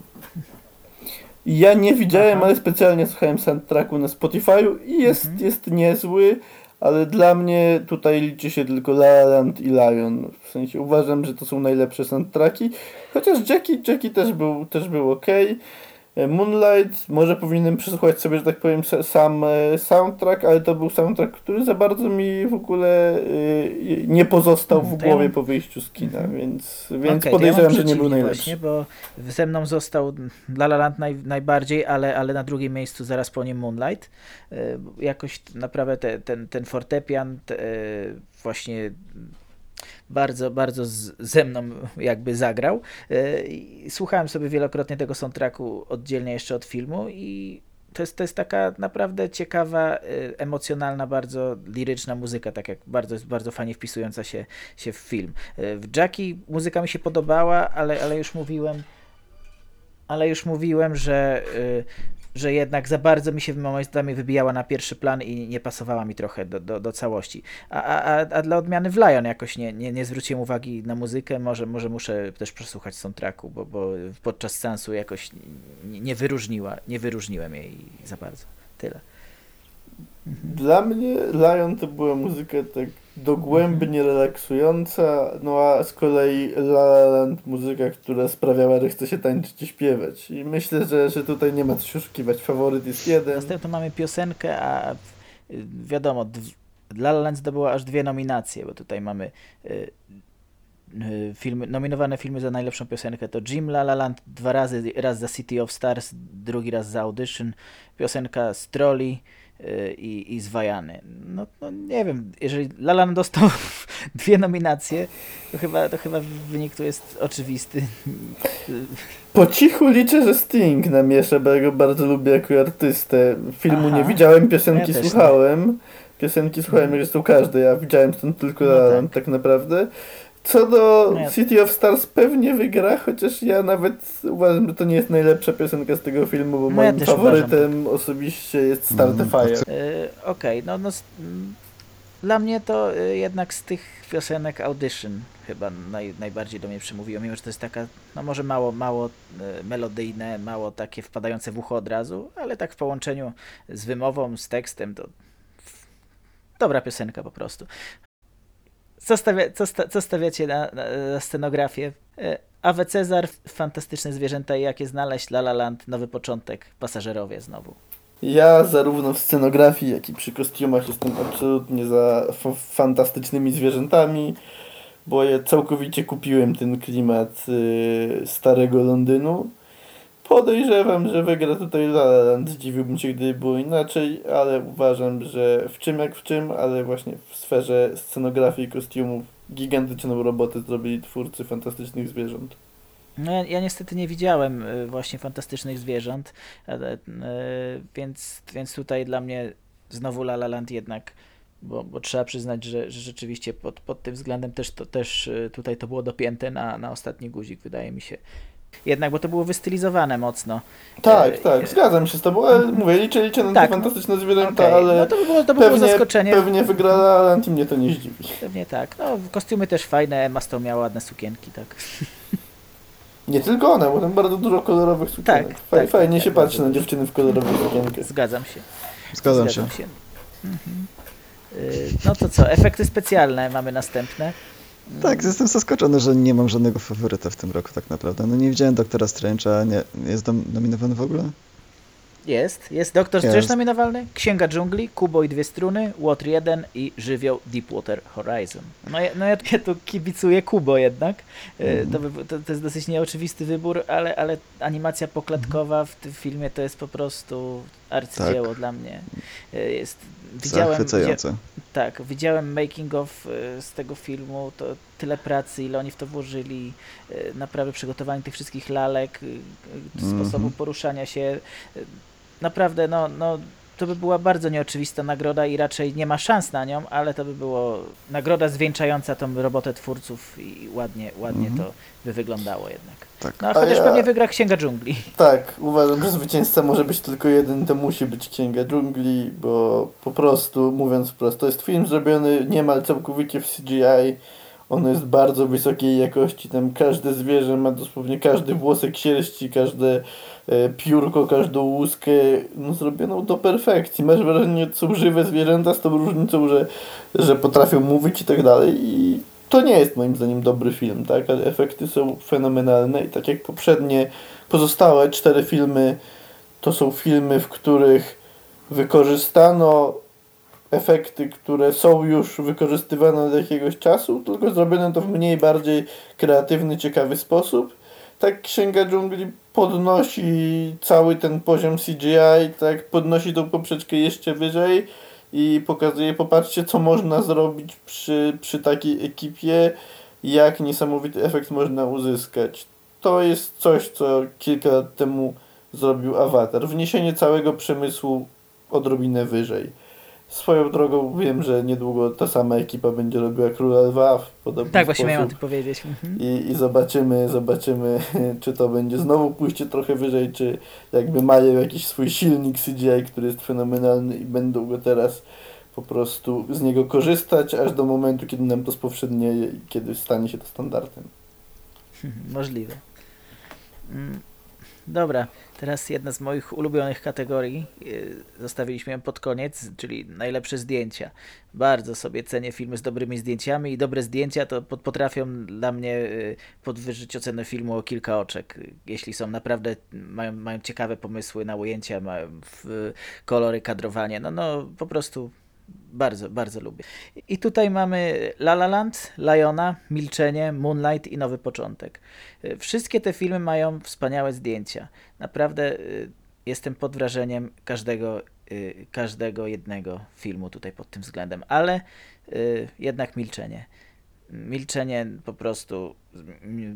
No to jest ogólnie jednak moim zdaniem film bardzo niesłusznie pominięty na, na, na, w tych nominacjach.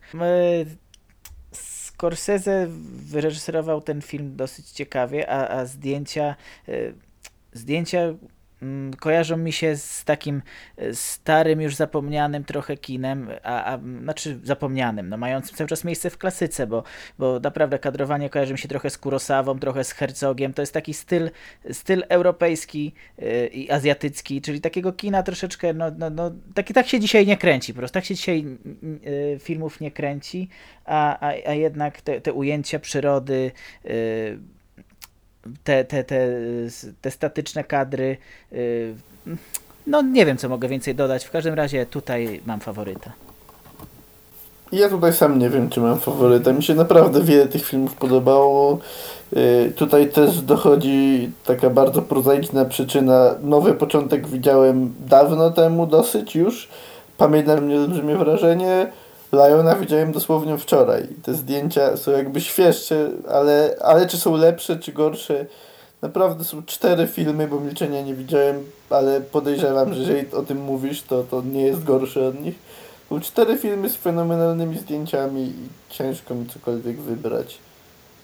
Też nie mam faworyta niestety, bo Milczenie widziałem, nie widziałem Nowy Początek, jeśli już to miałbym, mógłbym wybrać. Dobrze, to tak szybciutko, szybciutko przechodzimy dalej. Najlepszy długometrażowy film animowany. Mamy Czerwonego Żółwia, Kubo i dwie struny, Nazywam się Cukinia, Wajana, Skarb Oceanu i Zwierzogród. Myślę, że tutaj wygra Zwierzogród, bo, e, bo, bo tak, bo po prostu jest, jest na tyle... na tyle, na tyle dobrym filmem, na tyle e, Disney tutaj e, pokazał klasę. Jest, to jest film nie dość, że zaangażowany jakoś tam powiedzmy, to, to, to, jest, to jest przy tym świetnym kryminałem. W ogóle zdaniem. nie wiem, czy wam mi historia no. przypomina Chinatown bardzo. Tak, tak. Mi tak, przypomina to tajemnice Los Angeles. No właśnie, no, no kojarzy się z noirami w każdym razie. Słuszne tropy i wydaje mi się jeden i drugi, więc a ja bardzo lubię noir, e, ja, więc no, no dla mnie to jest jednak faworyt nie, Czerwonego Żółwia też, też widziałem, już mówiliśmy o, o, nim trochę przy okazji podcastu o Scope, bo mieliśmy go tam przyjemność z Garetem obejrzeć. Ja stąd mhm. widziałem tylko Zwierzogród i Cukinię, którą naprawdę uwielbiam. A, Cukinię chciałbym zobaczyć, właśnie to po, miałem powiedzieć o tym, że to jedyny film, którego z tej stawki nie widziałem i chciałbym zobaczyć, bo, bo wydaje mi się stylistycznie bardzo mój. Tak stylistycznie tak jest bardzo zbliżony do Mary and Max, który traktuję jako jedną z y, najlepszych animacji, jakie w życiu widziałem. Powiem Ci, że to jest historia, która jest tak smutna, że gdyby nie to, że patrzymy na nią cały czas tymi y, niewinnymi oczami dziecka, które wszystko odbiera, odbiera inaczej, to byłoby po prostu nie do wytrzymania, ta, ta smutna atmosfera. A, a dzięki tej wrażliwości dziecięcej ten film da się oglądać, tak? Bo mamy sytuacje smutne, mamy sytuacje, gdzie wybuchamy śmiechem. Okej. Okay. Ja, ja może jeszcze tutaj y, powiem mm, o tym, że, że Wajana jest typowym filmem Disneya, który, który no nie wiem co tu robi, dlaczego, dlaczego wyróżniono akurat dwa filmy Disneya w tym roku, e, jeżeli Zwierzogród był filmem moim zdaniem klasy przynajmniej lepszym. Myślę, że jakieś, jakieś można było tutaj bardziej nieoczywistą jeszcze jakąś animację wybrać. E, cieszy mnie nominacja Kubo, aczkolwiek no, po, e, w filmie, tak jak mówiłem, powalił mnie tylko pod względem efektów, a, a cała reszta jest w nim poprawna, a mimo wszystko fajnie, że trochę takie y, są doceniane rzeczy spoza, spoza mainstreamu takiego typowego. Dlatego, dlatego ten drugi Disney mnie tutaj trochę boli. Dobrze, to mamy do omówienia jeszcze y, krótkometrażówki y, animowane i, i, aktorskie. Y, Marcin, ty chyba widziałeś kilka tych filmów z tych dwóch Nie widziałem w końcu krótkometrażowych aktorskich, nie starczyło mi czasu, natomiast jeśli chodzi o animowane, widziałem 4 na 5, podobnie jak z dokumentami. I niestety faworytem bookmacherów jest pixarowski Piper, który wydaje mi się absolutnie taką błahą historią. No fajną, ładną, ale, ale nic nie wnoszącą. Z kolei, z kolei drugi film, który jest fajny, tutaj z kolei jest fajny, bo możemy się pokręcić po, po kadrze nagrywany w technologii 360, wyprodukowany przez Google e, film Pearl, on nawet nie ma co dobrej animacji, jeśli chodzi o te postacie. Są takie kanciaste, brzydkie dosyć i no fajny eksperyment, ale nie wiem, może w okularach VR tam bym coś odnalazł. Jak oglądam sobie, sobie na YouTubie, kręcę się tam, to, to nie podoba mi się za bardzo.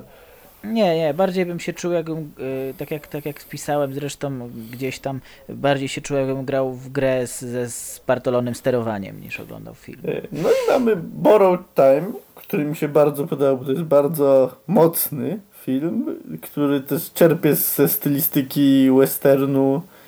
Ciekawa rzecz, na pewno polecam każdemu i tak, liczę, liczę tak, że wygra. Ja to, to też jest mój faworyt. Borrowed Time absolutnie e, nie spodziewałem się takiego filmu, a, a naprawdę bardzo, bardzo ciekawie wykonany i emocjonalnie jednak e, mnie zaangażował, więc a, a, a naprawdę poczułem jego, jego no ciężar, więc... No i z filmów, które widziałem jest też Bland Weisha. Bardzo, bardzo fajna kreska. To jest o dziewczynie, która jednym okiem widzi przyszłość, drugim przeszłość.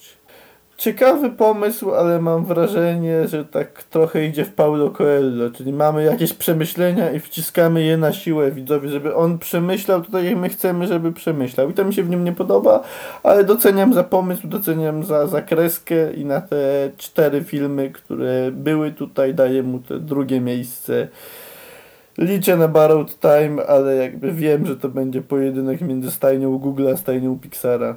Niestety. Niestety. Mhm.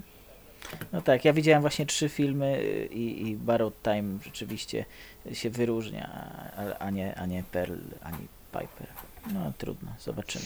Ja mógłbym obronić tylko Piper, bo bardzo mi się podoba to, że to jest właśnie animacja o tym, że nikt w niej nie umiera, wszystko nikt w niej nie umiera. Nie o to chodzi właśnie, żeby wywołać takie negatywne emocje, tylko że właśnie nauczyć małego, jak, jak ma sztuki adaptacji. To jest krótka animacja, 7-minutowa, klasyczna, tylko animowania, animowana oczywiście komputerowo, o małym tam kaczątku czy łabątku, które uczy się po prostu takich pierwszych rzeczy w życiu istotnych, nie? Y, poprzez właśnie nie jakąś ekspozycję, tylko czyste działanie, czy poprzez akcję właśnie uczy się wykorzystywać otoczenie i tak dalej. I to jest e, tak skonstruowane, że faktycznie dzieci, które to oglądają, faktycznie mogą wy, z tego jakąś lekcję wynieść. I ta animacja inspiruje do tego. Tak zachęca, żeby być, obserwować otoczenie, jakoś wykorzystywać je do swojej, do, do swojej korzyści. O. Coś w tym stylu. Dobra, mamy montaż. Tutaj mamy aż do piekła, La La Land, Moonlight, Nowy Początek i Przełęcz Ocalonych. Kurczę, no La La Land został tak zmontowany, że ja tutaj też nie, nie widzę innego wyboru. Miał, miał świetne przejścia, bardzo kolorowy, kolorystyka niesamowita, bardzo dobry montaż. Ja uwielbiam tą kategorię i nie mam wątpliwości począwszy od właśnie master shotów, e, przez, przez e, takie naprawdę szybkie, krótkie ujęcia, jak na przykład te, te w klubie jazzowym, no, no naprawdę no, fachowa robota. E, jeżeli jesteśmy przy montażu, to, to montaż dźwięku. Wszystko, co nie będzie przełączył ocalonych, będzie pomyłką. To był fantastycznie, sceny betalistyczne, siedzisz w kinie, słyszysz ten przestrzenny dźwięk, wybuchy, kule nad głową, masz wrażenie, jakbyś tam był. Fenomenalnie zmontowany dźwięk i tyle do powiedzenia. Tak, y, rzeczywiście te sceny batalistyczne y, były dla mnie wyśmienite i pewnie to jest też y, w dużej mierze zasługą, zasługą właśnie montażu dźwięku, więc, więc, więc tak. No to jak dźwięk, no to, no to zajmijmy, się, zajmijmy się dźwiękiem mm, ogólnie. Czyli mamy 13 godzinę, mamy La La Land, Łotra 1, Nowy Początek i Przełęcz Ocalonych. Cóż, zaufam Marcinowi. Macie coś do powiedzenia? Zaufam Marcinowi. A ja tutaj bym powiedział, że nowy początek okay. z kolei. No, a dlaczego? No tutaj mamy, mamy kwestię muzyki, kwestię tego dźwięku z planu. Bardzo, bardzo fajnie to wszystko współgra i ten dźwięk w nowym początku też jest znaczący, ale nie ma tutaj tak olbrzymiej roli montażu dźwięku jak w Przełęczy Ocalonych. Więc... Rozumiem. Czyli jednak tutaj rozgraniczasz te, te, te dwie kategorie. Tak, i masz stara, staram się jak mogę. Sta próbuję się na tym znać już od kilku ładnych lat i, i zawsze mnie to cieszy, jak dobrze, okay. jak dobrze trafię te Oscary, a ostatnio coraz częściej się to zdarzy. Fajnie. Okej, okay, to y, właściwie omówiliśmy wszystkie kategorie, wygląda na to. A poza tym nieszczęsnym filmem krótkometrażowym aktorskim, no ale z pustego, z pustego Aha, Salomon nie naleje, no, więc no, no, nie mamy zdania, chyba to jest nasze wspólne zdanie. Tak, dokładnie. No, czas pokaże, co, co, czy jednak nasze, nasze tam przewidywania się sprawdzą, czy któryś, czy któryś z filmów, który, które lubimy, jednak dostanie te statuetki. No, pewnie, pewnie La La Land tutaj rozbije bank, jest szansa na, na powtórkę z Titanica czy z Władcy Pierścieni.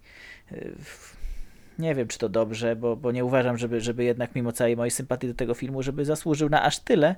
Yy, tym bardziej, że, że to są dla mnie yy, najlepsze y, są to nominowane najlepsze filmy od, od dawna. Ja dawno nie widziałem, przynajmniej w głównej kategorii, tylu filmów, w którym bym wystawił ósemki i dziewiątki. Y, ja tutaj mam tylko z tych obejrzanych filmów głównej kategorii, mam tylko jedną piątkę dla Liona, a tak to, to są same ósemki i dziewiątki, więc ja nie pamiętam takiej sytuacji od roku, nie wiem, który to był rok, gdzie, gdzie, była, gdzie była aż poleje się krew i, i to nie jest Siódmy. starych ludzi, siódmy albo siódmy. Mhm. No to właśnie od 2007 roku nie pamiętam takiej sytuacji, żeby było tyle dobrych filmów w głównej kategorii przynajmniej. Macie coś do dodania kwestii podsumowania całej tej A mi się wydaje, że rok temu były lepsze. Więc 2016 rok był dla mnie naprawdę zaskakująco wyjątkowy. Obejrzałem prawie 100 filmów z tego okresu. Było naprawdę zatrzęsienie dobrych filmów i jeszcze lepszych.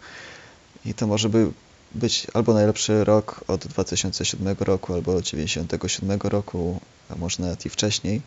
Ale jak patrzę na Oscarach, to jakoś tego nie widzę, tak naprawdę.